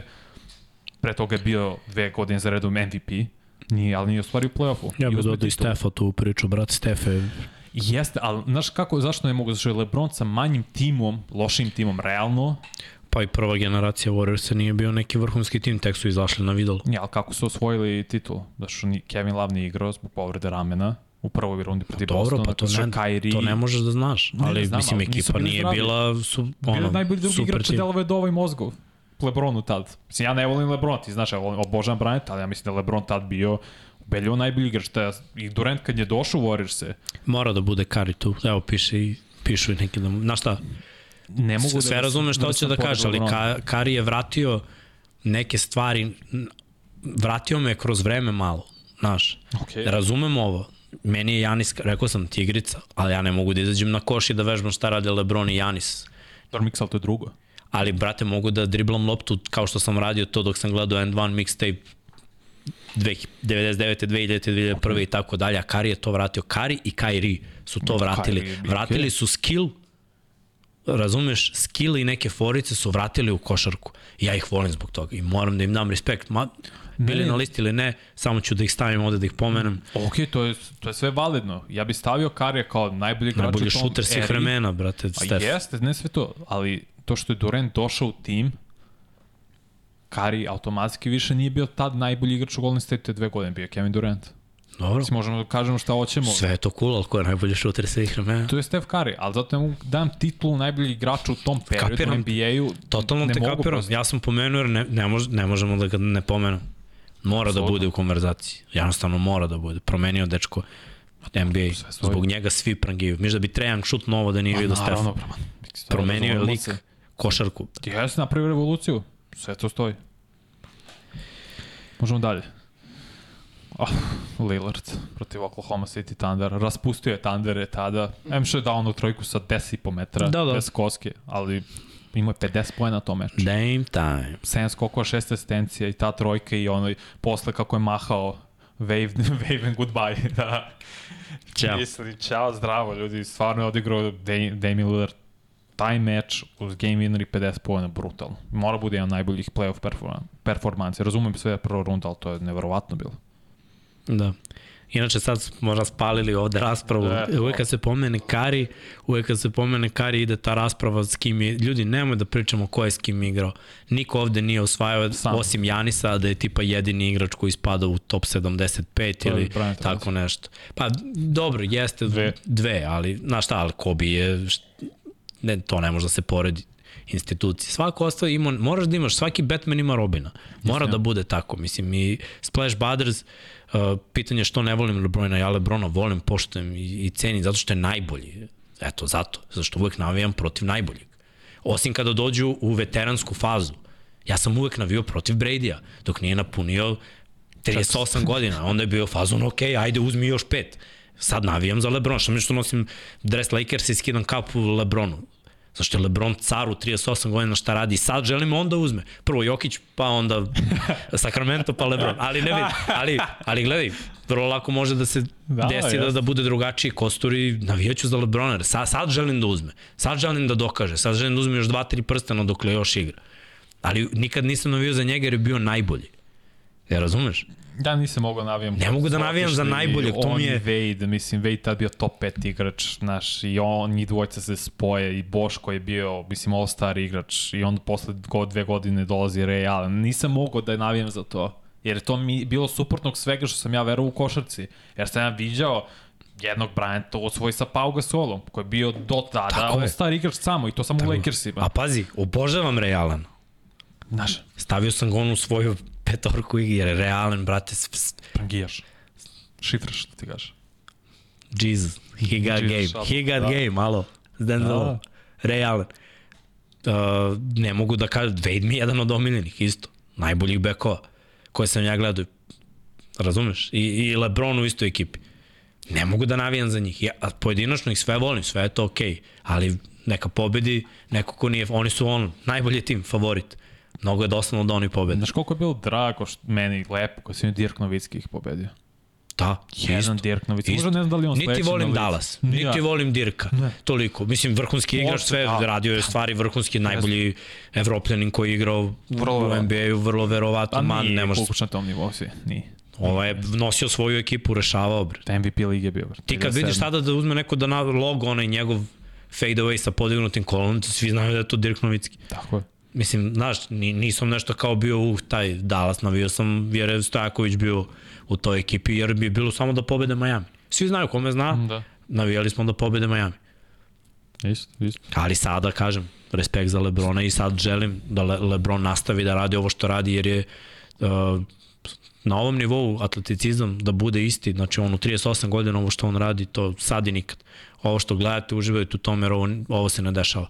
Čak i Kobe je Posle krenuo na dole. povrede. Tako je, krenuo Meni na je dole. krivo od 2013 što je, mu je pukla Achillow tetiva, jer Da. mislim bi Lakersi napravili nešto u play-offu tada, jer su napokon skockali tim i imali hemiju, ali Nije se desilo, ti pa, izda, da, pa, pa svakog igrača je krenulo da izdaje telo u tim godinama u Tako je. košarci. Drugo je američki futbol i neke pozicije da, da možeš i da Potrebe. odmoriš i Kicker. drugačije je malo, ali ovde sav respekt ovog sveta za Lebrona, stvarno.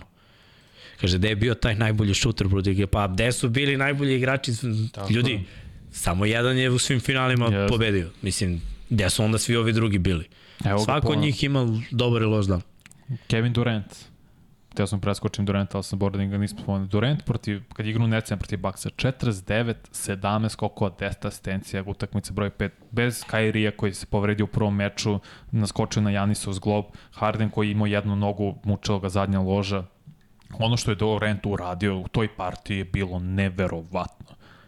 I šesti meč, kad je bilo milimetar na liniji, kad je dao onu trojku i mislim da je on imao taj meč 50 kao i Janis, mislim, jedin razlog što Neci nisu prošli zašto je ovaj nagazio uh, trojku. Inače bi Neci igrali vrlo verovatno finale te godine sa svim tim povredama. Mislim, stvarno Durant imao je i još brutalnih partije, naravno u finalu protiv Lebrona, one trojke i, i utakmici broj 3, sve to stoji, ali to je opet došao je usklopljen tim koji imao pre toga 73 pobede. To je, ja imam problem s time, što si otišao najbolji tim. Da se Draymond nije bio Da. on bi osvojili te godine, a ti si taj, protiv tog tima vodio 3-2 u seriji. Dobro, I ti si otišao kod njih. ne podržavam. Ni ja ne ali mogu to da ti je filozofija. I misliš da, da sam navio za njih tad? Naravno da nisi. Zato što su bili najbolji. I dobio, ja, ja A, stojim pri tom, opet- dobio bih San Antonio da se Leonard nije povredio, jer su volili 22 razlike u tom momentu. Da, da. Dobro, ajmo dalje. Opet LeBron. I opet jedno od, ali ovaj mi uvek će mi ostati u, u pamćenju protiv Celticsa, gube 3-2, tih 45, 15 i 5 asistencija, prosto dok, ono, dokaz klasične sile, na, on je sve načine dao za tri, mid-range, fade-away, iz driblinga, iz ulaza, šta god je hteo Lebron na tom meču je radio i naravno kucanje preko Jason Terija koji mu vratno ima i dan danas traume od toga. Vratio mu je Terry to. Kada? Ovo je bilo posle. Da, upravo si. Pa dobro, On je vratio Terija. vratio je Terry.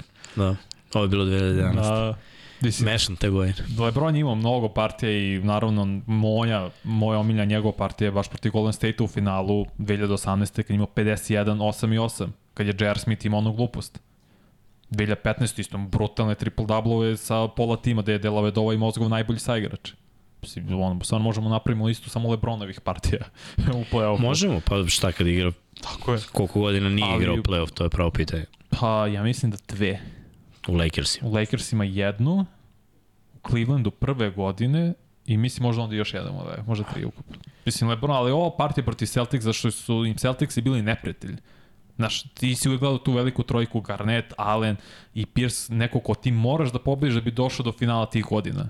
I Miami, mislim, to su i rekli, delom bio sklopljen zbog njih, jer su bili svesni i pojedinačno ne možemo da ih pobedimo. Pa tako je. I bilo i, mislim da i 2000, te, ono, ovo je bilo 2012. finale, kaže ti gubiš 3-2, ideš u TD Garden i učut, kaže. Muk. Imao je, imao je Lebron, ozbiljne partije. Evo, Novicki protiv Oklahoma City Prvi Thundera. meč, 4-6 poena, 18 skokova, 24 od 24 s linije bacanja. Znači, sve poene postigu ili za dva ili sa bacanjem bez trojke. Ne, Dirk je, Ne može. Dirk je imao, pazi, da je imao preozbiljnu ekipu i da je zapad bio malo slabiji onih godina kada se Dirk zaletao i kucao, a bilo je toga, mm. -hmm. zamisli, zamisli to s ovim šutem i s njegovom preteča svih ovih visokih igrača koji prangijaju. Jeste. Jeste. Pa to je bilo 2007 kad je bio MVP, kad su ga izbacili Golden State Warriors, onaj uh, We Believe team, sa Da. Baron Davisom, Steven Jackson, Matt Barnes, ne znam ko je još igrao. Richards? Je li igrao Richards? Da, je. Mislim da jeste. Da Jason Richardson. Da, da, pobednik da, za kucavanje. Jeste, da, da, da, bravo, bravo, bravo. Trostruki. Jeste, jeste, jeste. Da, nikad Ili dvostruki. dvostruki. Dvostruki. Tad be Baron Davis imao ono zakucavanje u tom playoffu protiv Kirilenka kad je podigao Da. ovo i šta ima oko sebe kao, kako se to zove zapravo, zamršavljanje, da mu prikre stomak pojas. Baron Davis. I pre toga on je Yes. jedan od onih jumpera opasnih. Yes. Sa on imao brutalan naskok. Čovjek ga pocijeno onako, misli, vidi ga ovaj bucko da je čovjek, kad ono sledeće Bam. prepune u facu. Clay Thompson, čuvena utakmica broj 6 protiv Oklahoma City Thunder, gube 3-2 i Clay da 41, 11 trojki postigu i datle nastaje nadimak Game 6 Clay. Mislim, stvarno, Oklahoma imala šansu idealno da ode u NBA finale da skloni te Warriors, ali ne. I on i Steph Curry, ali pogotovo Clay u tom meču su stvarno bili nezaustavljivi. I kraj krajeva otišli su u finala, ali stvarno kad vidiš nekoga s takvom lakoćom i lepotom da šutira i da ti ne možeš da ga izbaciš iz- ritma, bilo je baš preteško za Oklahoma tada. I tad je krenula ta era. Trojke, gubi se era polu distance i taj fazon počelo je na nov način da se igra, pre svega zbog Steph Curry i Clay Thompson. Spacing, spacing, Su igrali protiv Thundera dobro. Jesu, jesu, ima i Thunder ti otvara dobru partiju. Da. E, mora se ubaciti Isaiah Thomas. Da, jedno od pravila ove liste, to nismo rekli, mora tvoj tim da pobedi i jedan po čoveku. Da ne izdvajamo više od, jer i znamo i svi da je bilo, ali je Isaiah Thomas šta je uradio protiv Wizardsa te godine sa svojih 1,75 da imaš 53 mm. poena. Radio sam to tako. Mislim, to je bilo mesec dana nakon što mu je sestra poginula i čitav taj playoff je bio pod tim ono, Ma, brate, oblakom, baš je bilo... Taj dan kad mu je sestra poginula, Tad je počeo playoff, ili dan, je, dan nakon je počeo playoff, čini mi se. sutradan, Da. znači od toga je metnu 30 i odigrao brutalnu teku. Mm. Sve u suzama, brate. Da. Kakva legenda. Tako da ga ne ispoštuju. Smorio sam se zbog dečka, iskreno.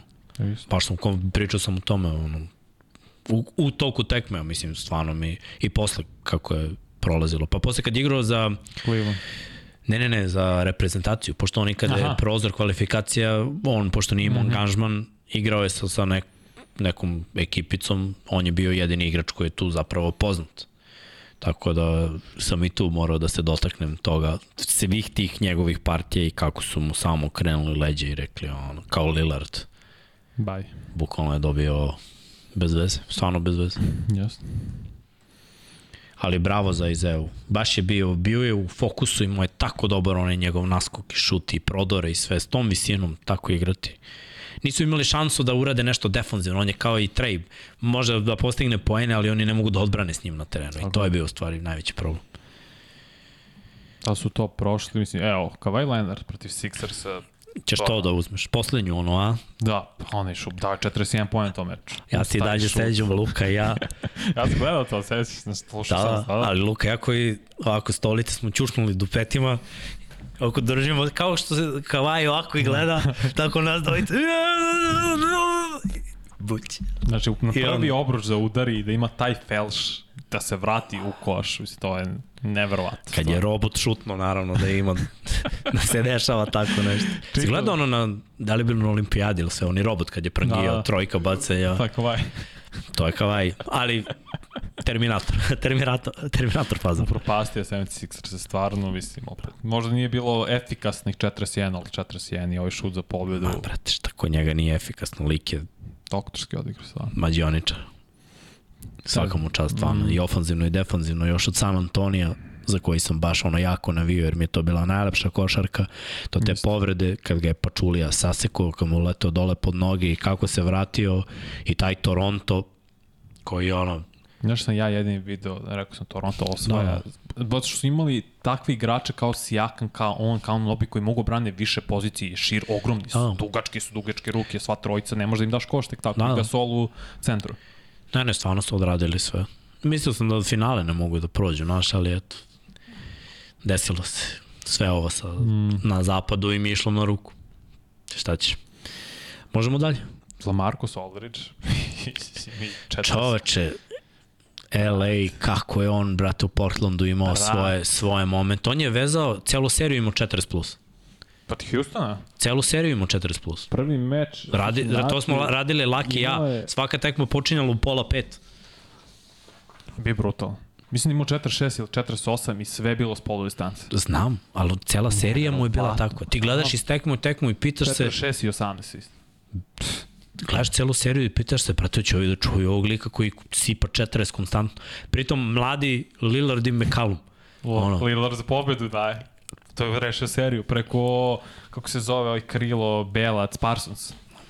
Brate, ali Aldridge šta partija što mora da izostane žetono, podsjeća na neku košarku nekada. Stavamo pol distance, nađi svoje mesto, ti imaš ništa da uriš pre toga. On isto ima skoro 2.10, kako ćeš da izblokiraš? Kako je, ne, još ima šut sa ispruženim rukama gore s vrha bukvalno nego kako je on nestao, to je ono pravo Nesto, pitanje. Miksa imao je, brate, 7 puta ili 8 puta bio all-star igrač. Ne, ne, ne, kad je otišao iz Por- Portland, On je igrao dobro San Antonio. Samo je Kawhi se povredio i on je morao da on su igrao, stvarno igrao dobro te tri godine, od 2014. kada je potpisao Mogu do ti kažem 2017. nešto. nije ispunio ni približno patike tima Duncana, zato je Nikad Nije ni mogu.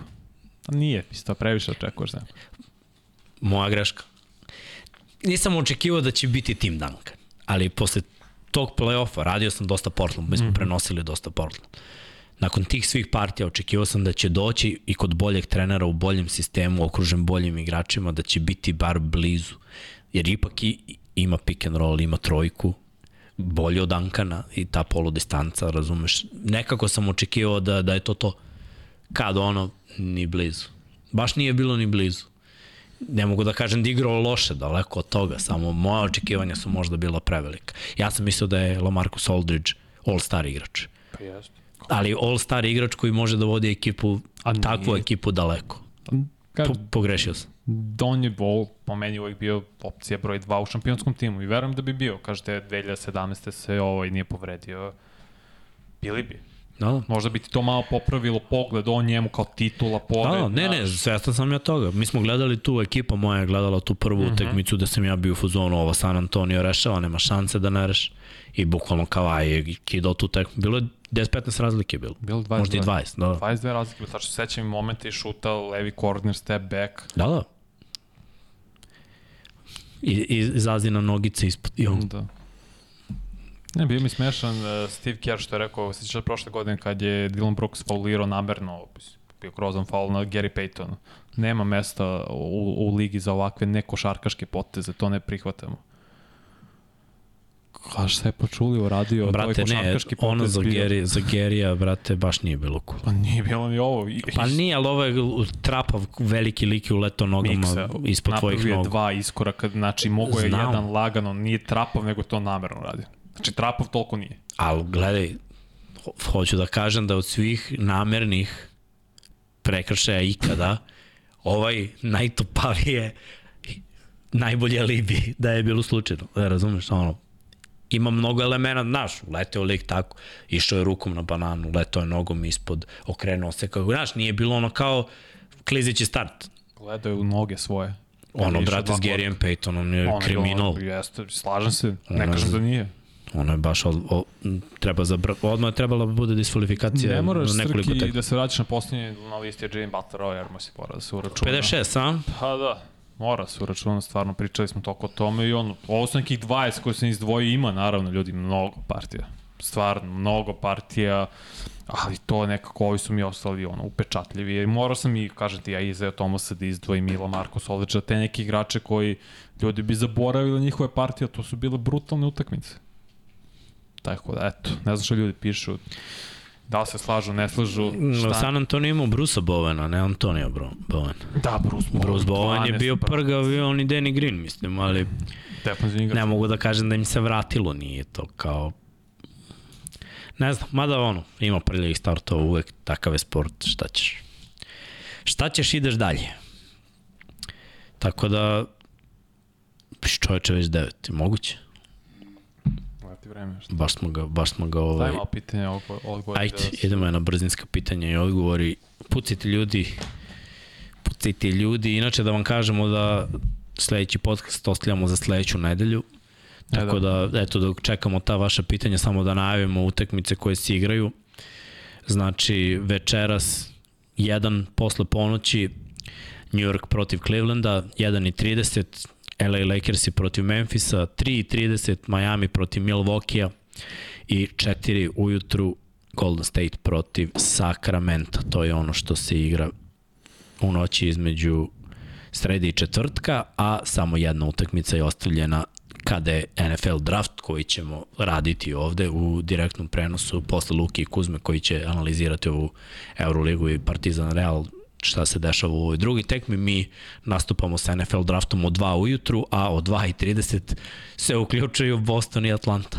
Pa da, i mislim, ljudi, jedan od razloga zašto rad, ne radimo do kraja nedelje, jedan na jedan više pre svega NFL draft, pokrivat ćemo čitavu noć, skoro, mislim ne skoro, nego čitavu noć između četvrtka i petka, pa onda mi ja ćemo raditi opet NFL draft, druga i treća runda u petak na subotu i prosto ne možemo fizički da izdržimo da vam i kvalitetno realno to prvenstvo. Ja ne znam šta treba da se desi da neko ima 60 poena ili ne znam kakve utakmice, da eventualno kažemo ajde sat vremena, ali to je, su baš male šanse jer ono stvarno NFL draft ima prioritet sada i to će nam biti fokus jer trajaće po 4-5 sati dve noći za redom što je ukupno ostaje kažem između 8 do 10 sati prenosa i to je to prosto ono ja onda subote iskreno nisam tu do ponedeljka pa ćemo Pa ide i utorak- prvi maj ljudi, moramo malo Pa se jeste. roštilja, malo se okreću čevapčići, malo je. pljeke. Tako da se ono gledamo najverovatnije u utorak. Pa da, Ovaj vidjet ćemo tu i sa ovim, da, i sa Srkijem i sa Mhm. studijem kako šta, kad ima mesta. Jetsu. Da, Da, da, da. nije hteo John Amitov broj da uzme. Dobro, da li mislite, šta mislite da li Cleveland može da se vrati? Ne.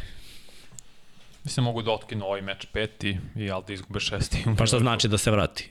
Da dobiju. Ne, mislim da će dobiti. Mislim samo će da će smanjiti razliku, će biti, neće biti 4-1, nego recimo 4-2. Lab 76 u 22. Da, Da. 22. Uh, dobro, da li mislite da je Devin Booker trenutno najbolji šuter u ligi? Pa, Šuter jedan od. Jedan od. Shooter. Neka, nek bude šuter. Ne, jedan Steph od. Curry je i dalje. Pa gledaj, opet neko je ovde pisao kad smo pričali o vamo Kleju na njegovoj partiji. Klej je, brate, aut automatizovan šut. Jeste.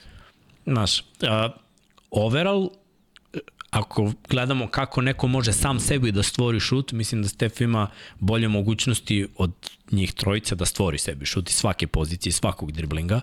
Pa okay. Booker, Pa Clay. pa Clay. Jer Ako- Clay, kad, ali Clay kad je dobije na tacni, Nemaš. ja mislim da je on bolji od sve Mislim trojice. Da jeste. Mislim Ali- da ona njegov izbače i sve to, to je ono.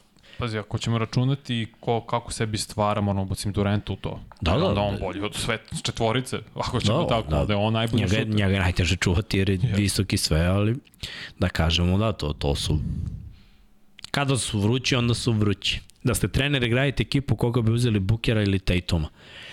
Pa, znaš kako, teško pitanje, ali za sada mi se pokazalo za sada mi se nekako pokazalo da Buker ima mnogo manje tih ups and down momenta.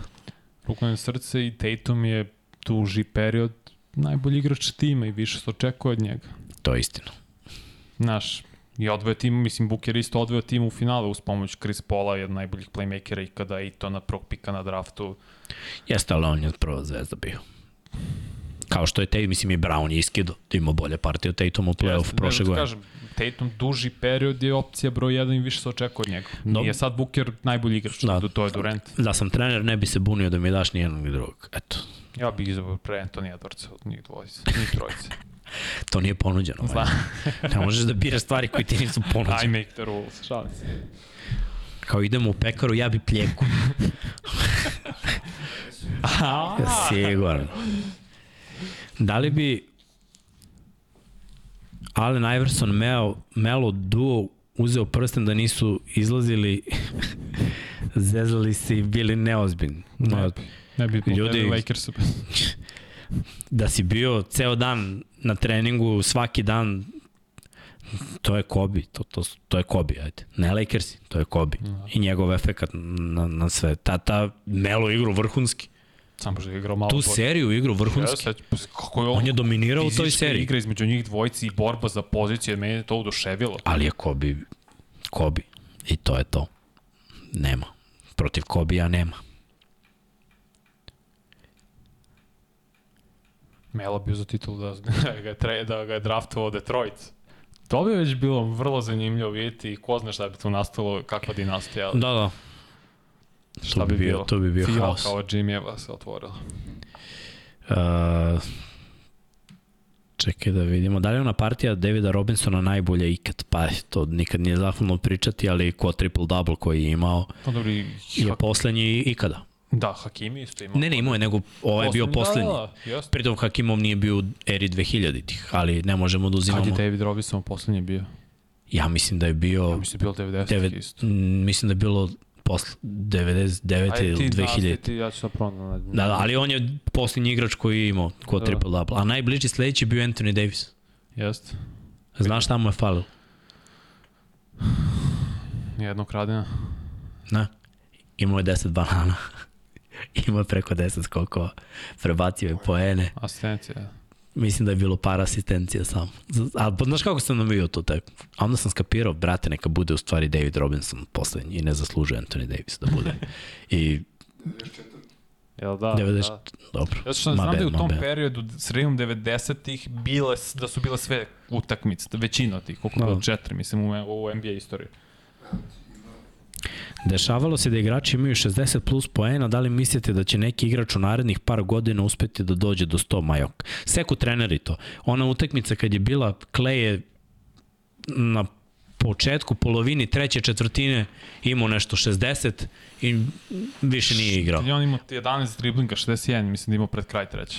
Da, i bilo je u fazonu, dobili smo i seo na klupu i nije se ne vraćao igru. Tipa da, da se juri rekord ili bar da se juri, ne znam, 80, više se neće juriti ni 80 zbog kobija.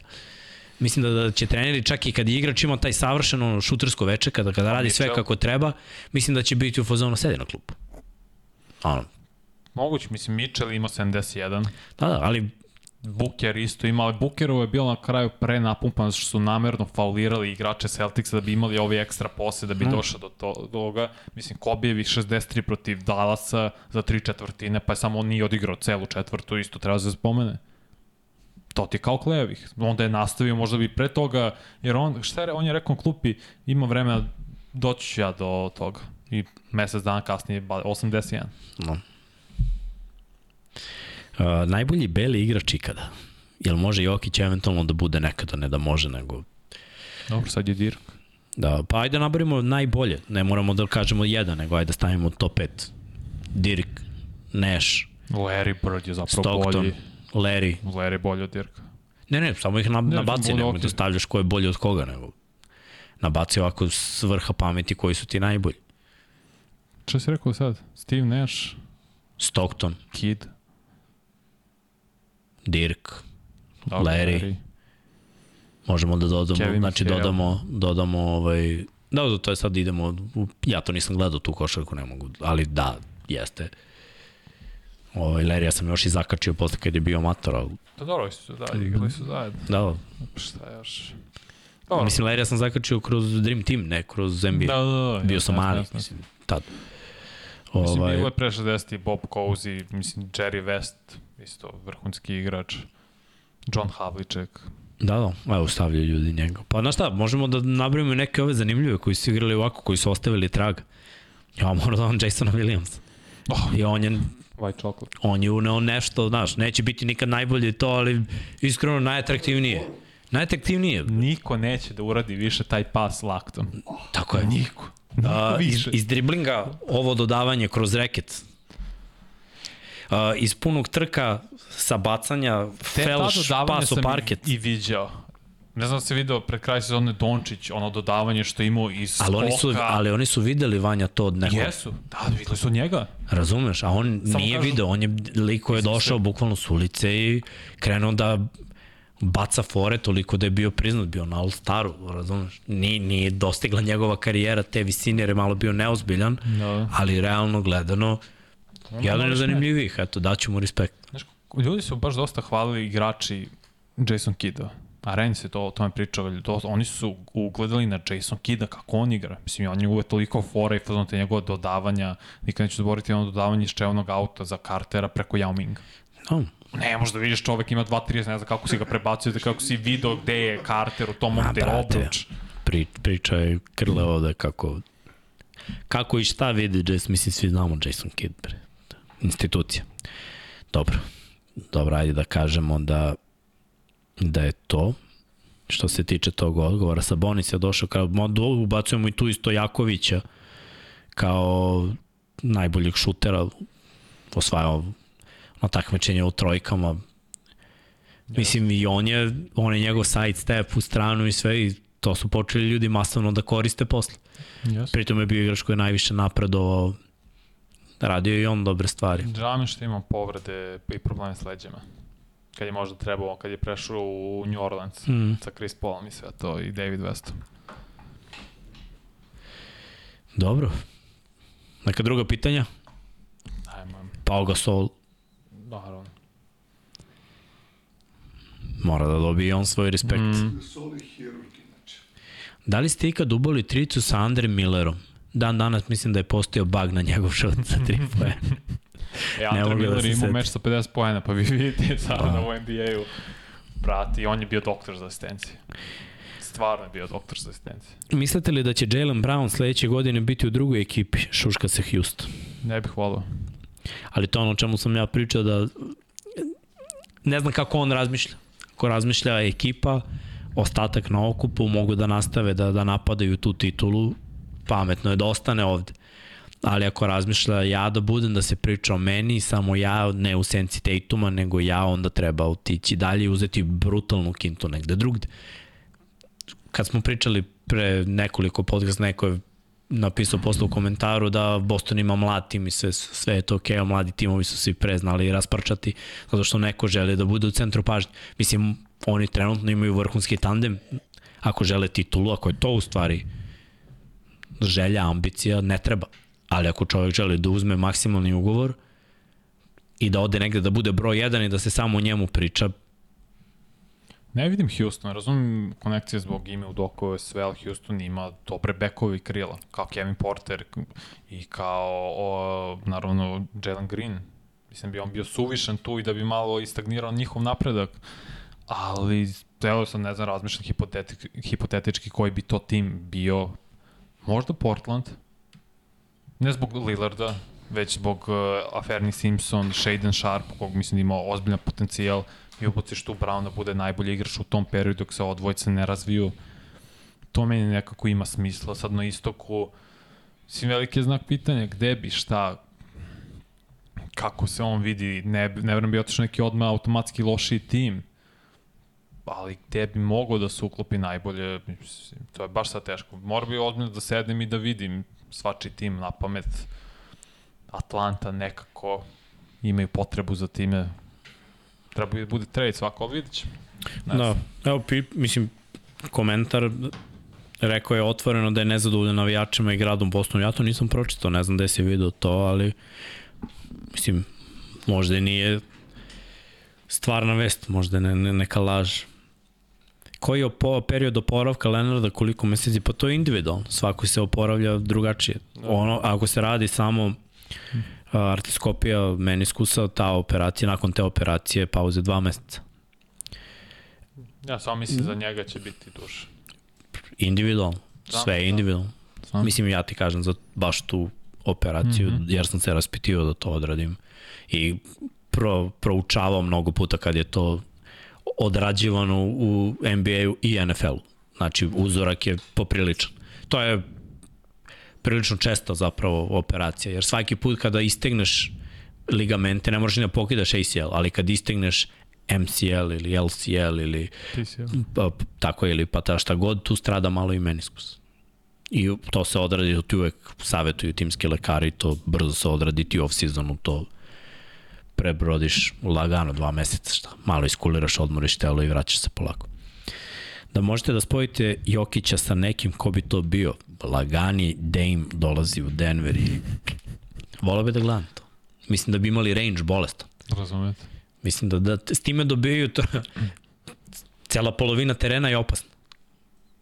Razumeš, gde god da ide ta lopta Dejmu, a opet ovaj dominira od trojke do koša, do, do obruča samog. Ja bih volao sa Dončićem da vidim to. Mislim da bi imali baš dobru hemiju. I taj pick and roll, obojice igraju u svom nekom ritmu, ne možeš da provališ, da ih tajmuješ, da ih tajminguješ, znači, to mi se sviđa. Ne bi mi čudo uopšte da za par godina i budu igrali zajedno. Da. Kakav bi to bio? Eto ti još dva bela igrača koja Mm. mogu da naprave haos. Evo neko to i pita. Moglo bi. Expinium mi mislimo da bi moglo, a da li će? Će možda biti neki gosti. Ma evo, samo Vanja i ja. Ne primamo goste. ne, ne, ne iznosimo kafu, ne iznosimo slatko, ništa, samo Vanja i ja ovde. i- da Da. Da. Sad- Jedino Srki ako ove svoje drugare. Da, evo i Mitchell će možda da ispadne večeras. Pa da, Biće slobodan. to Da, da. Zubac je već ispao. Rose već ima u New Yorku, mada ne igra nešto tako. Da, Ne dobije neke minute, ali dobro, tu je. da. Vidjet ćemo sa Srkijem, da. Kada će zableti s njima pa da ih prevari da dođu ovde u 1 na 1. Dobro. Ništa ljudi, da privodim ovo kraju, još jednom uh, hvala što ste ispratili i ovaj podcast 1 na 1. Pričali smo malo opširnije o ovim mečevima koji su prošli, najavili smo i ove mečeve koji dolaze, pet ih ukupno ima u sledeće dve noći i tu ćemo verovatno znati kako se razvijaju još neke serije. Uglavnom očekujemo da neke budu završene već posle ove noći. Što se tiče komentara, hvala na podršci i svemu što ste pisali, vidio sam bilo je i, i donacije, hvala i na tome.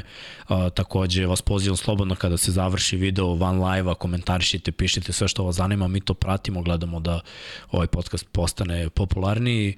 A, želimo da vam se zahvalimo, da vas pozovemo ako niste subscribe-ovani na ovaj kanal, budite ne morate da uključite notifikaciju ako vas mare, snimamo, izbacujemo podcast i za američki futbol i za automotosport i za NBA, ali zapratite, nama to znači idemo polako, ali sigurno ka 25.000 subscribera, takođe ako želite da budete naši sponzori, tu je Patreon, možete da nas podržite i na taj način, možete da nas podržite i na shopu, kupite neko od naših stvari, neku majicu, neki duks, neku šolju, šta god vama treba, poklonite sebi nešto lepo, a profitiramo jedni i drugi od toga. Takođe, i da se zahvalimo našim sponsorima, Admiral Bet je tu od prve epizode nas podržavaju i nadam se da ćemo sa, nastaviti saradnju što se toga tiče. Što se tiče pitanja, tu smo ugasili. Ljudi, što se tiče 99 yardi, da ponovim još jednom, dva časa posle ponoći, sutra radimo draft, Vanja sve spremio, s Perom ćemo da odradimo grafike, da sve to bude ispraćeno. Dok kao kad gledate nas, ne možete da vidite draft i sve to, ali ako pustite draft negde i pustite naš ton, imat ćete i ovde neke grafike, izlazit će koja ekipa bira i sve smo to mi nešto smislili, a da li ćemo moći da izvedemo, ja se radam da hoćemo. Jako sposobna ekipa je ovde. I prenosit ćemo i drugu i treću rundu, Vanja i ja pričat ćemo malo o tome i onda sledeće nedelje, što se tiče Da, da. NFL drafta, onda ćemo tu ubaciti analizu malo ko je kako prošao kada se završi draft. To je nešto što radimo Pa, svake da. godine. Pa znaš šta ti ja to. možemo između prekini malo o NBA-u u petak. Ono. Pa da, Što da iskoristimo kad smo Pa sami, što eto. da ne. Tamo Da. ćemo znati sve šta se izdešava, Pa da, Boston i Pa Atlanta eto, tako igraju. da to ljudi tek- znate da 99 yardi, To je sve povezano. se povezano. sve povezano. bi Rekao, više o NFL-u, malo i naše analize, pošto ćemo biti samo nas dvojica. Biće, ja mislim, i Jimmy možda prvi sat vremena, pošto ipak ima utakmicu u subotu. Da, to ćemo ali, da vidimo. Da, da. To nije, To, to, je. To nije, to nije običaj. Kažem možda, Da. možda, zato što samo sam rekao možda. To ti je Srki jedan yard na prvom down za touchdown posle 99. Carski. Lopta je bila u liniji end zone. A do sledećeg podcasta veliki pozdrav iz Infinity Lighthouse studija ide video sa našim Patreonima. Hvala vam još jednom na podršci.